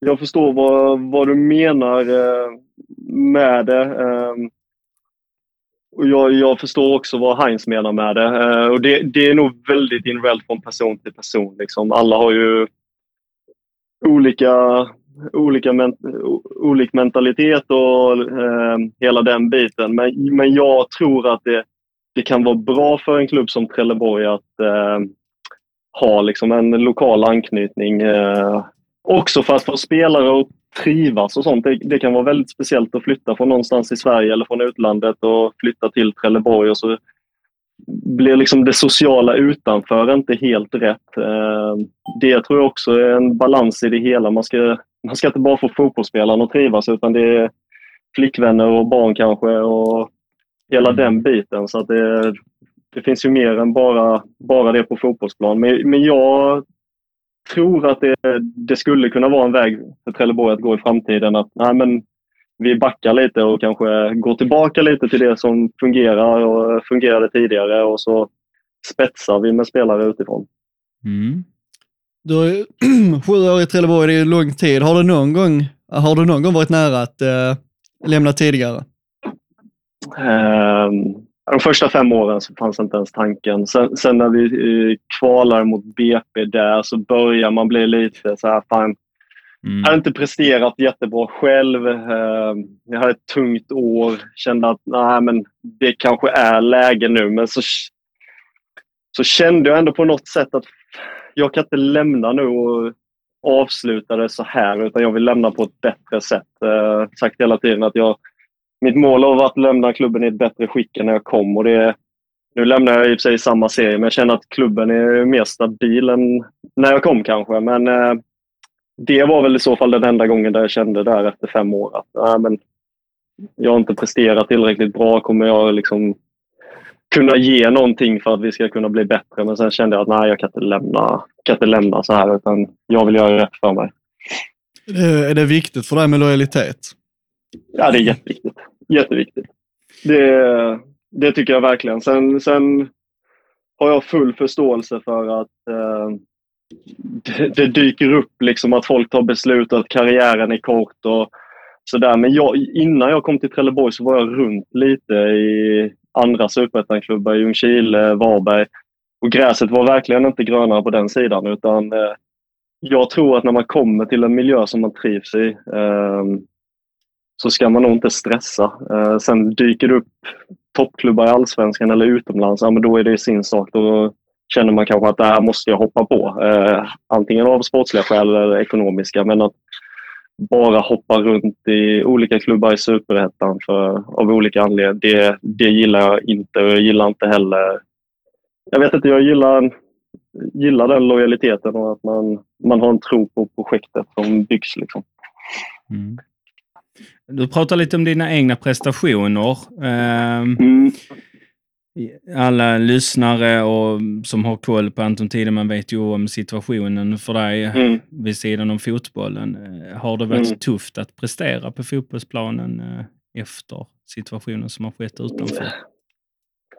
Ja, men, eh, det är ju klart att det har funnits dagar där det har varit tufft. Liksom. Det, det är ju inget snack om det. Men på något sätt så har det nog varit nästan åt andra hållet. Att jag har känt att det blir en frizon att komma ner och träna och spela matcher. Och eh, att eh, jag också har känt liksom att nej men det finns två vägar här. Antingen så viker man ner sig och tycker att allting är orättvist i livet. Eller så tar man den andra vägen och liksom gör sitt absolut yttersta. Och där, där känner jag ändå att jag tog väg två. Det, det är jag glad för att jag gjorde. För att fotbollsmässigt så har jag känt mig bättre i år än vad jag har gjort på flera år faktiskt. Ehm, eh, så kroppen har känts ganska så bra eh, och känt mig väldigt motiverad. Ehm, men det är ju klart att det, det har ju funnits lägen där det har varit tufft. Men eh, nu tycker jag ändå det har stabiliserat sig här hemma och vi, vi mår bra. Liksom, så att, nu har det blivit bra det också. Så, att, så är det. Det, det, det ser bra ut då för familjen liksom.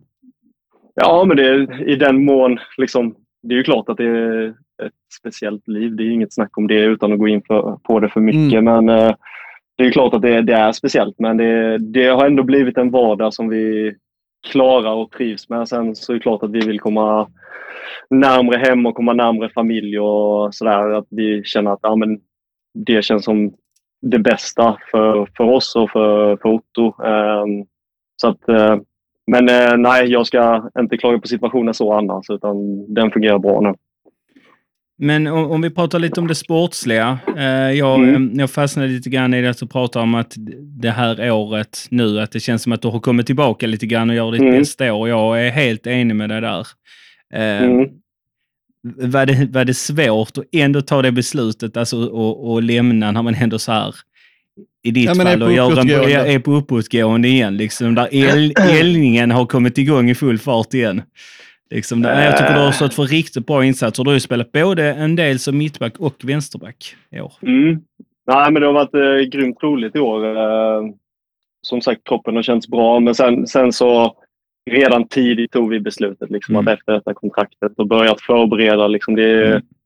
Förskolor och sånt som ska, ska fixas med Mm. lite speciella behov och allting sånt. Så att det, det har ju varit en process i sig. Sen, sen så är man ju alltid två om det och klubben eh, har ju haft sina idéer och vill liksom satsa på, på sitt sätt. Och då, då tycker jag nog att detta blev en rätt så bra övergång för allihopa där de, de känner sig nöjda och jag känner mig nöjd. Eh, så att eh, jag tror att de kan bygga något, bygga något riktigt bra inför nästkommande år. Liksom. Så, att, eh, så det, det blev ett eh, väldigt bra avslut utan några som helst konstigheter. Du, du har ju sett nästan på nytt född ut bredvid Abel som, eh, i mittbacken. Det var, Jag har varit lite pappa där. fantastiskt. Det var fantastiskt att följa från läktarna. ja, men Abel är ju en karaktär, det går inte, det går inte att säga något annat. Det finns ju otroligt mycket i honom. O, oslipad eh, Mm. är han ju, men han eh, kommer ju från dels en helt annan fotboll men också från en helt annan miljö. Men där, där finns ju jättemycket i honom. Så kan man spela på hans styrkor, liksom, att han får vara framåtlutad mycket, närkampsspel mycket, så är han ju jättebra. Eh, sen så kommer det ju positionsspel och allting sånt som kanske inte har funnits så mycket tidigare i hans karriär som behöver nötas. Liksom. Men det, där finns ju förutsättningar definitivt för att det ska bli en bra fotbollsspelare. Och det är en jäkligt rolig person, alltid glad. Så att, eh, nej, ja, det, var, det var ett roligt att spela bredvid honom. Lite oslipad ska man väl vara. Du har väl ändå Ja, men- alltid varit den mest slipade? Ja, men li- lite så. Det har nästan varit skönt för mig att ha någon som jag bara kan skicka fram i alla dueller. Så har jag fått eh, vara lite bakom där så slipper jag, slipper jag ta dem. ja, ja. ja, men det, är väl ingen som eh, har missat att Abel Ogush Så, eh, i de här enforcer. träningsmatch mot eh, IFK Göteborg eller där går in och drar en armbåge i huvudet på en göteborgare på en hörna. Där. Simon Fick en armbåge direkt. Ja. Han, han satte ribban högt med en gång och han har inte gjort någon besviken. Nej. Nej, nej, men så är det. Fysisk spelare. Va, vad säger du om eh, söndagen då? BP hemma, det är ju lite så här, det är inte så mycket att spela om resten av säsongen tyvärr, men eh, Hur kommer det kännas att göra sin sista hemmamatch liksom?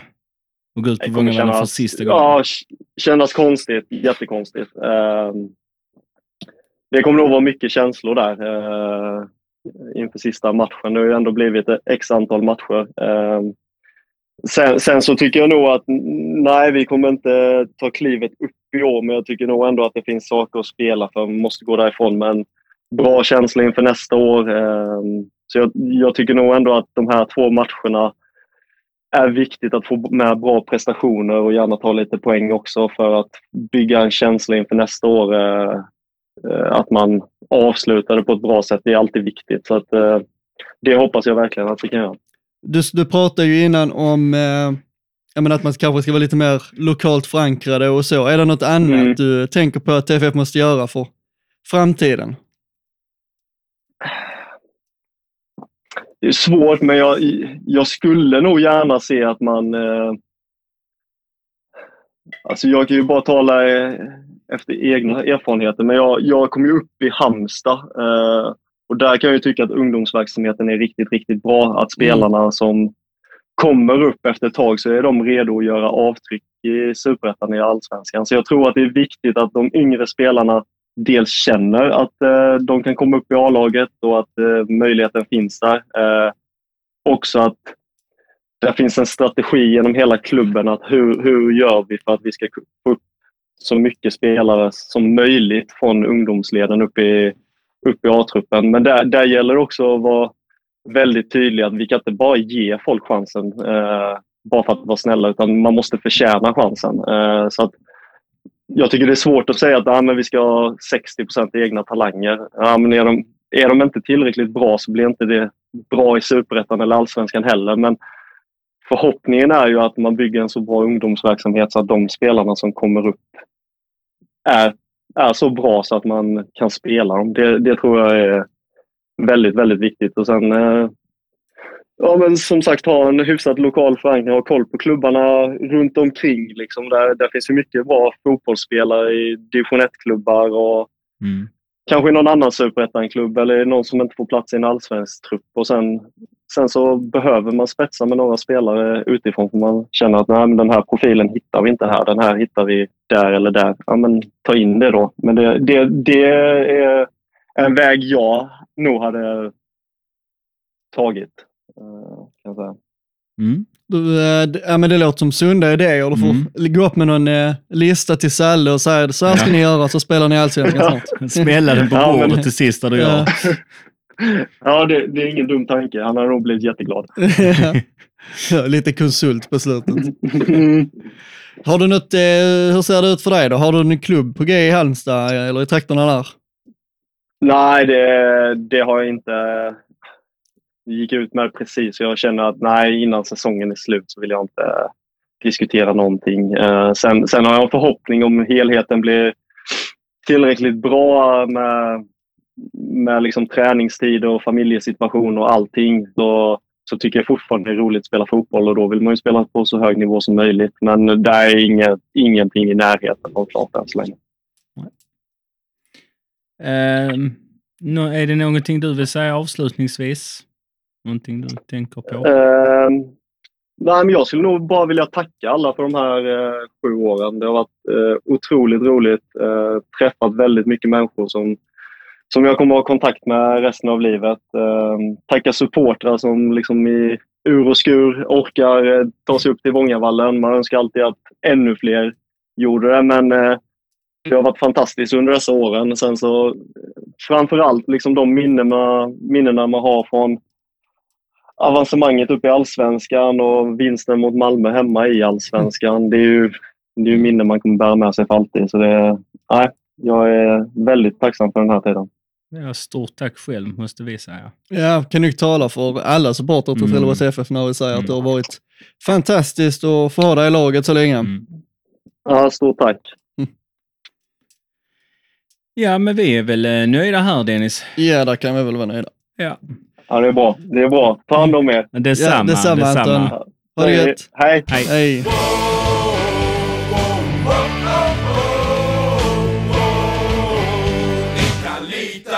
Eh, men om man ska summera sju år av Tideman. Mm.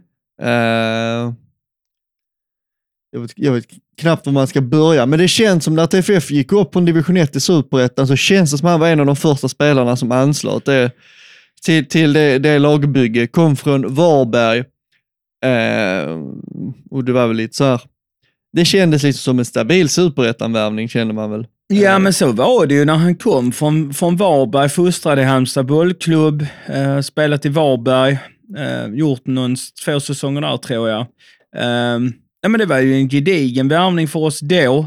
Eh, Var ju otroligt, hade kanske sitt bästa fotbollsår det året vi gick upp i allsvenskan. 2017 ja. Där han faktiskt var riktigt, riktigt bra. ja. Eh, Där var ju, det var ju den här själv, de självkör, självspelande piano, Trelleborgs FF det året och Tideman var ju en, en kanske en väldigt underskattad del av det laget. Eh, en del som man glömmer bort lite grann, vad han Mm. faktiskt betydde för det laget. Eh, ja, tar med han upp till allsvenskan sen också. Ja, och han var ju med i allsvenskan och sedermera så var han med i samband med degraderingen och har varit med om de tuffa åren här. Um. En spelare som jag tycker genom alla sina år kännetecknats av lojalitet, hårt jobb. Eh, sen ska vi inte sticka under stol med att han är lite begränsad som fotbollsspelare. Det är inte elitfotbollen, eh, Sveriges elitfotbolls bästa vänsterback. Eh, han har sina brister i spelet, men eh, definitivt en solid defensiv ytterback. Eh, kanske inte den rörligaste när det gäller det offensiva spelet. men, en Men- fin inläggsfot och ett, fint, eh, ett fint avslut. med fin inläggsfot och precis så. En, en, en eh, kapabel, minst sagt, eh, så här överlapps ytterback. Ja, och det är kanske där man har sett honom mest när han har kommit älgandes där på Ja, vänsterkanten precis. eh, och kommit till ett, ett bra avslut. Ehm, Det har ju stått för två otroligt viktiga assister i år Mm. eh, i avgörande lägen. Det här har ju tillsammans med 2017 kanske varit hans bästa fotbollsår. Eh, Jag tycker det har varit lite the return av, av, av Anton Tideman lite grann från 2017-version där. ja, definitivt. Eh, när han har kommit tillbaka, return, return, Return. return. Eh, Nej men och då, och där menar jag ju assisterna han gjorde mot eh, Ja. eh, Jönköping. ja. till Fritiof Bergqvist som avgör den matchen. Och Norby till eh, Amin som avgör den matchen. ja, och sen gjorde han någon, dessförinnan någon, också någon snygg eh, assist. Han har, han har, han har skrapat ihop några fina assister i år, Tideman. Eh, så därför känns det lite vemodigt att han ska lämna när han har haft det här året. Mm, det känns som det var, hade varit kapital att plocka av till nästa år. Eh, men det säger ju någonting, om man säger Tideman, som sagt kännetecknas ju såklart av stark, stor lojalitet, klubbhjärta, hårt jobb. Eh, och någonstans tycker jag det konkretiseras väldigt väl när han har den här familjesituationen som han har med en sjuk son och det är liksom, det är ju jättejobbigt och så. Men där han liksom, trots hur jobbet ändå är, så kan han liksom så här dra på sig den mörkblå tröjan, springa ut på Vångavallen och prestera jävligt bra fotboll. Ja, Det säger någonting om, liksom, om vem Anton Tideman är när han faktiskt klarar av ja det, det- det är jävligt mycket cred. Eh, Det är Ja. inte många som hade, som hade fixat den situationen. Eh, Men för honom har det ju varit lite, kanske lite grann som man har sagt, en frizon att komma, komma till föreningen, eller komma ut på matcherna, göra något annat. Mm. Jag kan tänka mig, jag kan bara sätta mig in i situationen, att kanske komma ifrån, precis som för oss åskådare, om man har något annat i livet som är jobbigt, att man går på fotbollen, att man får, Fotbollen är ju på, på, på många sätt en, en tillflyktsort för en ja, när det gäller, när det gäller sådana grejer. ja, Man stänger, fotbollen är liksom så väldigt, väldigt oviktig egentligen. Det är ganska meningslöst om man jämför med typ vänner och familj och så här. ja. Ha det, men ha det då och kunna investera sina känslor i. Det, det, blir- det är ganska, det är ganska, det, det blir liksom en frihetskänsla i, i det där också. Där är ju väldigt mycket det och, och fotbollen, den, den kommer i andra hand i många, i många perspektiv när det handlar om, om vissa andra ja, men familjära situationer eller vänskaper eller ja, men någonting som betyder mycket på ett privatplan för en. Mm. Men den är ändå väldigt viktig. Ehm, det betyder mycket och i samband med att livet är tufft så, så kan den vara väldigt, väldigt viktig. Det får man aldrig glömma, även om det är tufft att vara Trelleborgs FF-supporter ehm, på här sidan. Ehm, vi gör inget bra år i år heller. Man har varit arg mycket även i år, besviken, uppgiven. Men, men, men likväl så är man där och, och, och liksom har de här 90 minuterna när man får koppla, koppla bort allt annat i livet. Ja, så är det. Och, ehm, Och snart är det ju slut. Eh, sista hemmamatchen, Brommapojkarna. Eh, och som jag sa tidigare, vi, en totalt ointressant match på många sätt och vis. BP redan klara för allsvenskan. TFF har i stort sett ingenting att spela för. nej, det är ju heder. Det är hedern. Um. Nej, jag, jag, jag misstänker ju att det kommer att se ganska dystert ut imorgon. Lär inte ha mycket. Nu är väl BP kanske inte världens bästa naturgräslag, men uh, jag är ju kanske inte superoptimist uh, om att uh, de ska gå ut och köra över dem och jag känner ju kanske inte heller att skulle TFF mot förmodan gå ut och bombardera BP så kommer det inte betyda så supermycket för en. nej. Christian, jag ser där inför rapporten på TFFs hemsida att han nämnde att det är viktigt att sluta fyra och ta det. Jag, jag, jag fattar varför man svarar så som tränare, men eh, jag känner lite så här, nej, om ni blir fyra eller sjua, ja, vad spelar det för roll? Det, det, säsongen är över nu. Alltså, eh, sen är det klart att det spelar roll, det ska jag ju inte säga att det inte gör, men TFF gjorde eh, på de sista åren eh, sina bästa värvningar när man hade kvalat sig kvar vid en jävla straffläggning. Så att, utifrån att man kunde göra de värvningar då så tror jag ju inte att en fjärde plats eller en sjunde plats kommer vara avgörande nu Nej. för nästa år. Nej, det tror inte jag heller. Eh, det, det enda jag kan känna som, eh, som kan vara av vikt är kanske att komma före Landskrona och bli bäst i serien av Skånelagen som, Ja. som är där. Det, det, är väl Absolut. typ, det, det är väl typ det enda, att det var skönt att komma före boys i år. Eh, annars så är jag totalt obrydd över de här två sista matcherna som, eh, som är. Men eh, Men om inte, on a positive note, Helsingborgs IF nere i Superettan. ja, Eh, det blir ju en, eh, ett roligt derby till nästa år. Eh, det blir ju att se fram emot. Gävle IF har gått upp i, i Superettan från division 1 norra. Det är min gamla hemort, Gävle. Så att det ser man fram emot. Fällde du en tår när Gävle gick upp? Ja, jag kunde ha en glädjestund för Gävle IF skull. Eh, man har, jag mötte ju Bunke Gävle IF-supportrar en gång när jag var ute och söp i, i Gävle och träffade på dem på en karaokebar. Då hade de precis, Gävle låg typ sist i serien. Det var hopplöst läge inför sista omgången. Eh, skulle åka ur, så var det bara. Och sen går de och vinner den matchen samtidigt som typ två, tre lag framför dem förlorar. Och Gävle lyckas på något mirakulöst sätt kliva upp på säker mark i sista omgången. Så, så, så var förutsättningarna då, efter säsongen 2019.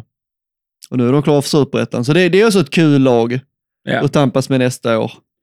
Eh, intressant nog är att troligtvis kommer Sandvikens IF kvala eh, till superettan från norrettan, vilket betyder att två Gävle-lag eventuellt spelar superettan nästa år.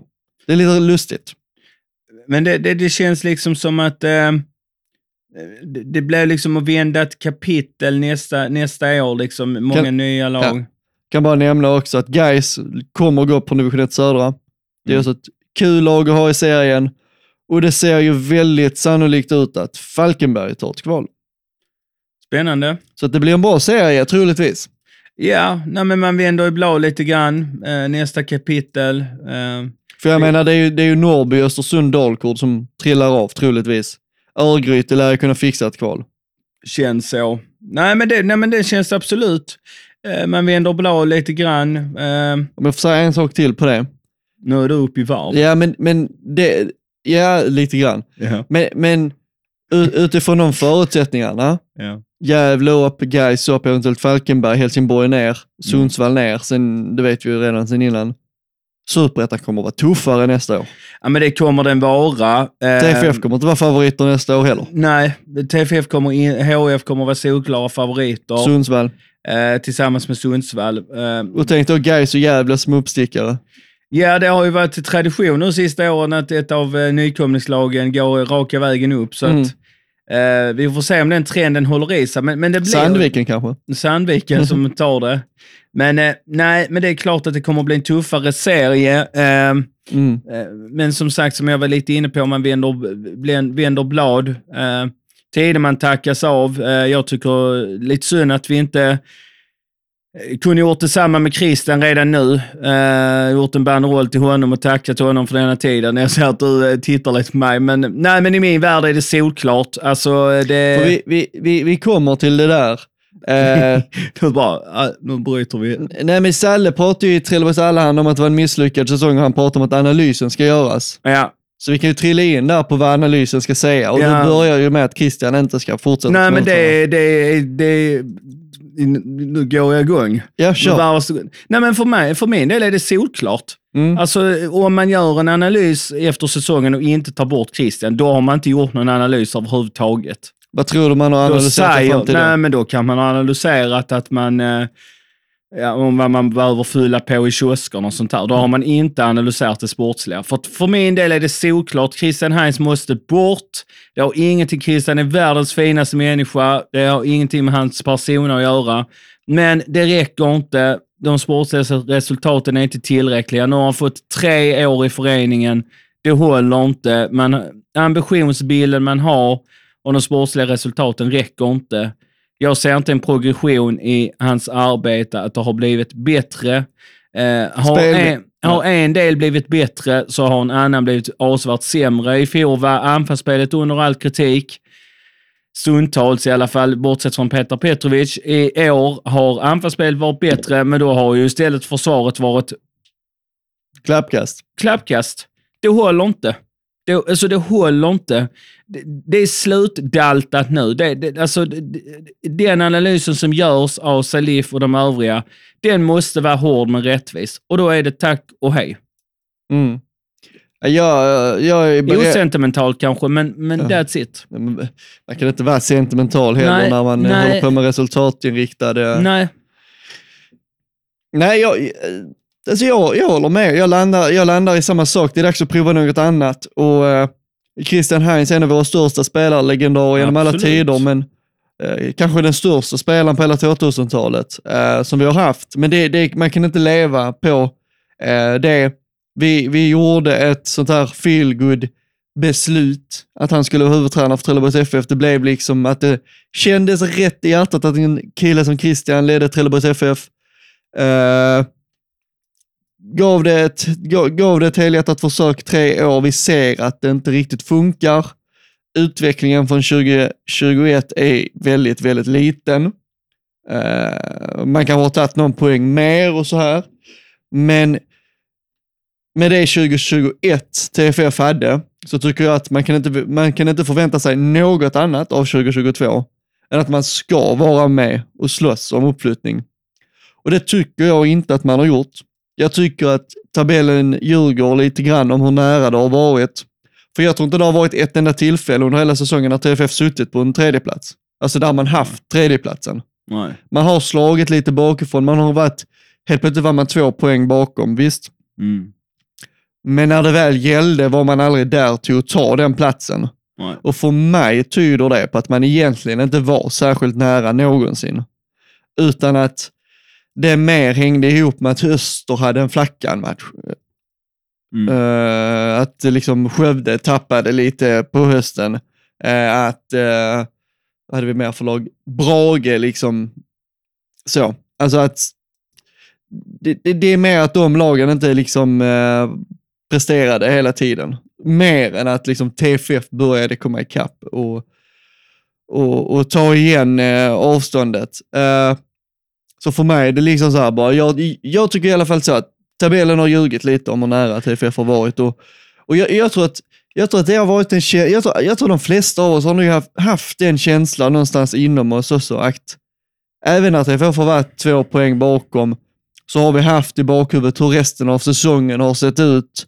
Det har varit liksom några bra matcher följt av några dåliga. Och vi har liksom alla varit medvetna om det. Och liksom någonstans har vi nog alla har förstått att även när det har varit nära så är det inte så jävla nära. Eh, och en tredjeplats är ju inte en plats i allsvenskan heller. Utan då ska man ta sig igenom ett kval också. Frågan är hur TFFs defensiva hade stått sig i ett kval till allsvenskan. Eh, man pratar ju alltid om att det inte är press på lagen som kommer från superettan. Eh, utan att pressen ligger på laget som kvalar från allsvenskan. Men jag kan ju inte undgå att fundera hur den här defensiven hade stött sig uh, i ett, i ett allsvenskt kval. Nej, alltså jag, jag, tycker, du, jag tycker du, är, du är lite mer balanserad än vad jag kanske är. Uh, jag är kanske mer direkt i min kritik. Men, men, jag, men, men min slutsats är samma sak. Ja, jo, jo absolut. Uh, men du är kanske lite mer konkret. Jag tycker att mm. så som du utvecklar det är precis så jag sitter och tänker också vi har aldrig varit riktigt, riktigt nära eh, i år. Mm. Eh, faktum var att det känns närmare i fjol. Så ja. skulle jag nog säga. TFF, jag tyckte TFF hade någonting förra året som mer talade för att ja. man skulle fixa det än vad de haft i år. Ja. Eh, det som sänkte TFF förra året, det var de här sista elva omgångarna. Mm. Men fram tills dess såg man bättre ut förra året än vad man har gjort i år, tycker jag. Ja, och det, det, det är väl framförallt också det att försvaret har varit så fruktansvärt ihåligt. Man har varit hela tiden någonstans säker på att ja, men vi kommer inte hålla nollan idag heller. Och det, det, det går inte att släppa in mål varje match och att man blir tvungna att göra minst två för att vinna fotbollsmatcher. Sen har man ju levererat ett par riktiga jävla bottennapp i år. Mm. Eh, jag orkar inte ens utveckla mitt resonemang kring matchen uppe i Östersund, för jag tycker bara, kan bara Nej, så här, vi skiter i det. Bara så här kon konkret och bara så här kort. Det var som det brukar vara när de gör riktigt jävla dåliga insatser. Mm. Punkt.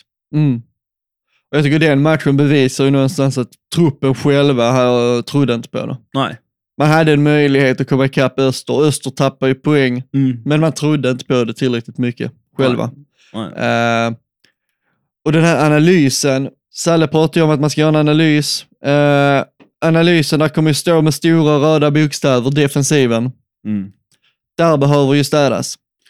Det behöver städas. Jag tycker också det, som sagt, det är inte, fokuset ska inte bara riktas mot Christian Heinz. Det ska riktas mot flera av spelarna som inte är tillräckligt bra för, för, våra, för att vara del av ett topplag som ska gå upp i allsvenskan. Där är för många spelare som har underpresterat eller inte är tillräckligt bra. Fritiof Björkén har ju sagt till Trelleborgs Allehanda att han vill stanna. Eh, tycker jag är eh, en klockren spelare till att behålla. Absolut. Men eh, om vi tittar i backlinjen, Anton Tideman sen tidigare kommer lämna. Isak Jönsson, eh, osäkert över inga besked, men det känns ju som han kommer lämna. Jesper Modig, utgående kontrakt. Eh, Kalle Larsson, utgående kontrakt. Eh, det är alltså de defensiva spelarna med utgående kontrakt. Jag ser väl egentligen ingen anledning till att förlänga med någon förutom Björkén. Eh, Isak Jönsson har ju någonstans... Alltså, med Isak, man har alltid slängt han under bussen när man fått möjlighet. Eh, så jag menar någonstans är det kanske dags för honom mer för hans egen skull. Mm. Att Ja, gå vidare till en klubb som faktiskt uppskattar han på riktigt och inte liksom så här spelar han när han duger. Nej, precis. Uh, sen tänker jag till nästa år, Felix Öberg ska ju ta högerbacken. Tycker jag känns solklart. Uh, han vill det själv och han säger att han är bäst på den positionen. Jag tycker att det är där han ska spela då i en offensiv, i i en offensiv, liksom framåtlutad roll. Frågan är om liksom en Björkén som är liksom i 30 plus nu, om han, om han har det i sig att uh, lära sig vänsterbacken istället.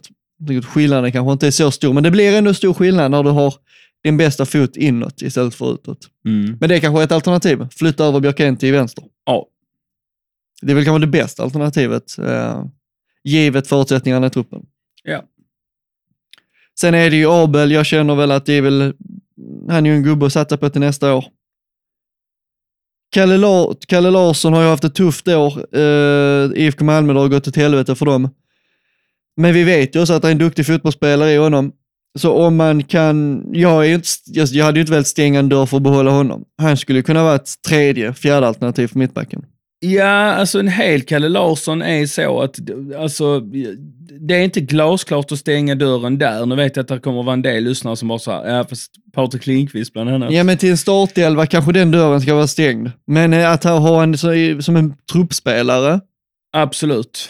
Och sanningen är kanske att om Kalle får vara hel, vad händer då? ja, alltså, Vad händer om Kalle är hel en hel för, försäsong? Får spela sig in i ett lag? Mikko Vitiko har fortfarande kontrakt med Trelleborgs FF.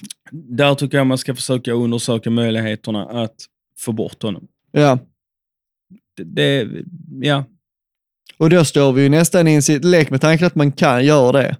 Då står vi ju nästan i en situation där vi ska sätta ihop en helt ny backlinje. ja. Kanske är det det som behövs. Kanske är det det som behövs. Mm. Sundsvall åker ut. Alexander Blomqvist. Kommer hem. Står det i analysen att man ska värva honom? Högst troligen ja. Får vi hoppas det är han och Abel bredvid varandra i mittbacken. Det hade varit kul. Underbart. Ja. Nej, men eh, analysen, stora röda bokstäver, defensiven. Eh, för mig kanske börjar säga också att eh, jag kanske inte ska behålla Deini. Han har ju kontrakt. Eh, ja, jag är så... Men han ska ju vara ett defensivt ankare. Han ska ju liksom vara den, den som liksom stärker upp defensiven från en mi- mittfältsposition. Eh, Ja, jag är, väl av det? den, jag är väl av den vikten att om, om man ser det så här, Herman Hallberg eller Dahini om man måste behålla någon av dem. Ja, men ta Hallberg då. Ja. Ingen skugga ska falla över Dahini som jag faktiskt tycker har varit en av de bättre i höst faktiskt. Eh, Jo, men, utifrån, men, men är han en spelare som, som kommer, kommer kunna klara av att spela allsvensk fotboll? alltså jag tycker inte Dahini, och- nej det hade han ju kanske inte. Nej. Jag tycker, jag tycker heller inte Dahini, det är inte så att jag säger att han har varit dålig, jag säger bara att hans roll i laget har varit att från en mittfäl- mittfältsposition göra defensiven bättre. Mm. Och jag tycker att i stunder har Dahini sett bättre ut när han har fått spela med, in, i tremannamittfält. Där, de har, där vi har haft tre innermittfältare, Dahini har varit den som fallit tillbaka. Mm. Men resultaten av det Mm. har varit så pass svaga att jag kan inte undvika att dra som slutsats att mm, nej, vi ska nog inte fortsätta med han i den rollen trots allt. Mm. För då måste resultaten vara bättre. För mig är det lite som eh, att, eh, att vi skulle haft en anfallare som spelat 30 matcher och gjort fem mål, du vet. Mm. Att liksom bara så här, ja, gör vissa bra saker men målskörden är för liten, typ så. Mm. Lite, lite, lite så tittar jag på Dahini just nu. Att eh, ska du spela den rollen, ska du ha den uppgiften, så Mm. får vi inte släppa in nästan 50 mål. Eller TFF kommer ju säkert gå upp och släppa in, i slutändan har de släppt in 50 mål den här säsongen. Mm. De har Ja, väl tre kvart i och släppt in 50 tror jag. ja. Men... och eh, någonstans måste man underkänna dels försvarsspelet, målvaktsspelet till viss del och eh, Daini. Det är liksom defensiva navet. Ja, och jag, jag tycker någonstans hans, hans kompanjoner på mittfältet, båda med utgående kontrakt, eller eh, Herman Hallberg har vi nämnt, utgående kontrakt. Kommer Har- säkert lämna. Haris Birkic, utgående kontrakt. Och Simon Amin, utgående kontrakt. Mm. Ehm, Mm. I, i, i, ehm, om du tittar i kristallkulan och, och spår, var tror du Trelleborg lägger fokuset och förlänga? Jag, jag tror att man kommer att göra en ansträngning för att både Simon Amin och Haris Birkic ska stanna. Eh, jag tror att Herman Hallberg kommer Lämna va? lämna. Eh, jag tror att man kommer, som sagt, man kommer att kruta på att Simon Amin och Harry ska stanna. Sen skulle jag ju kanske bli förvånad om båda stannar. Eh, samtidigt som jag tror att över 30 omgångar har inte denna säsongen varit stark nog för att de ska ta klivet upp. Däremot så tror jag ju kanske att eh, Örebro, där Simon kommer från, säkert hade varit intresserade av honom, säkert kan vara intresserade av honom. Sen vet jag inte hur taggad han är på att gå dit. Han firar ju ganska vilt när han gjorde mål på dem, så jag tror Mm. kanske inte känslorna är jättestarka. Men han kommer därifrån, så kanske att man kan ha lite, han kan ha lite så här, om, om möjligheten kommer, och liksom komma hem, Mm. kanske. Mm. Eh, I våras var jag helt så här, bara, jag ser så, bra som Simon Amin spelar just nu så måste han gå upp i allsvenskan. Mm. Det kände jag ju genuint då. Sen har ju kanske säsongen utvecklats på ett sätt där, när man ändå summerar efter 30 omgångar så är det kanske inte riktigt den nivån. Nej, Samma sak med Harris. Eh, men sen tror jag också det är två spelare, dels i, om man ser till ålder, ganska unga spelare men ändå inte liksom, knappt, inte tonåringar liksom. Jag tror att de nog vill utforska möjligheten och gå vidare. ja, jag, jag skulle nog ändå säga att det är högst tveksamt om någon av dem faktiskt blir kvar, trots allt. Mm. Harris har ju hintat lite grann att han är sugen på andra äventyr. Det är MFF. Ska tilläggas att Harris faktiskt har, har, eh, hade stake i sig och gick bo- bort och bad om ursäkt till ståplatspubliken. Så att det, det är ju släppt där- innan. Ja, ja, så är det ju.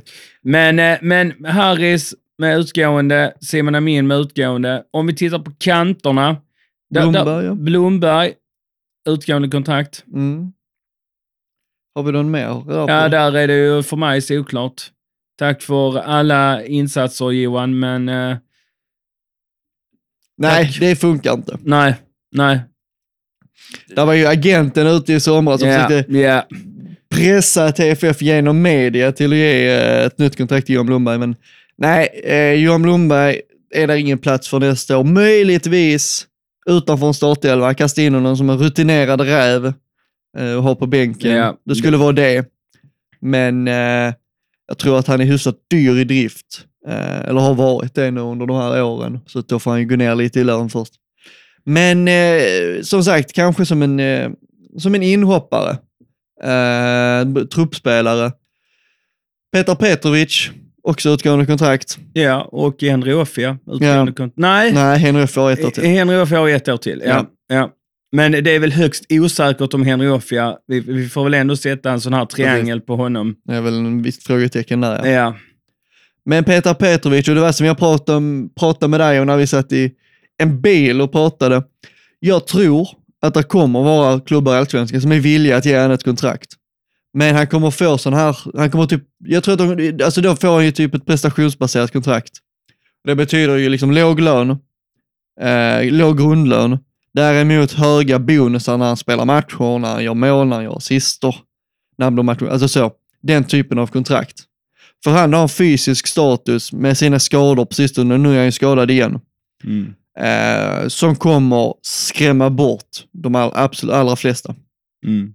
Eh, har inte kommit igång i år alls, eh, kom tillbaka från sin skada, såg väl lite sken av honom, men Ja, det var just vid fasta situationer man såg eh, det här eh, tydliga eh, ehm, tillslaget han har där hörnor helt plötsligt blev väldigt farliga.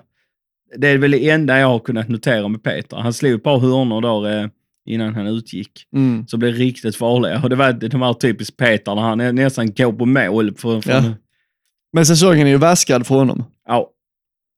Eh, Henry Offia, men jag skulle nog ändå säga, där är ju en chans att Peter blir kvar. Ja, men jag Men skulle... jag tror att det är klubbar högre upp som ser hans spetskvaliteter och tänker att det är värt att chansa på. Mm. Henry Offia då? Ja, det är väl 50-50. Känns som 50-50. TFF hade anbud i somras, sålde inte då. Läre har inte har sänkt sina aktier direkt, har gjort en bra säsong. Eh, rätt ålder, har rätt attributer i form av snabbhet som spets. Eh, skulle ändå flagga för att det finns en rätt så stor risk att han inte finns kvar. Ehm, Där vill jag också understryka, inte bara, inte bara när det gäller Henry men det är väldigt uppenbart när vi pratar här att eh, det kan vara så att vi, TFF står med en väldigt liten trupp i december, eller slutet på november. Men det öppnar upp på alla möjliga möjligheter också. det, det får ju också möjligheterna. Vi kanske ska liksom så här, Det, det är kanske det som behövs. Det är kanske det som behövs. Vi kan ju bara så här kanske summera. Nicolas Mortensen med kontrakt nästa år kommer väl högst troligen vara kvar också. Han gör sina mål. Alltså, jag har varit, jag har varit Niklas Mortensens mest högljudda kritiker. Det, det, det har jag varit, framförallt under våren. Men efter sommaruppehållet eh, tutar han igång och eh, en anfallare som gör 10 plus mål är guld värt.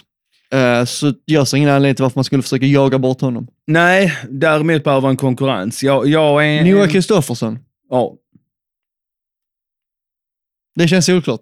det känns oklart. Eh, nej, men jag, jag, jag tycker han gör en godkänd säsong. Jag är inte riktigt lika... 10 mål tycker jag man ska förvänta sig av, av en anfallare en säsong.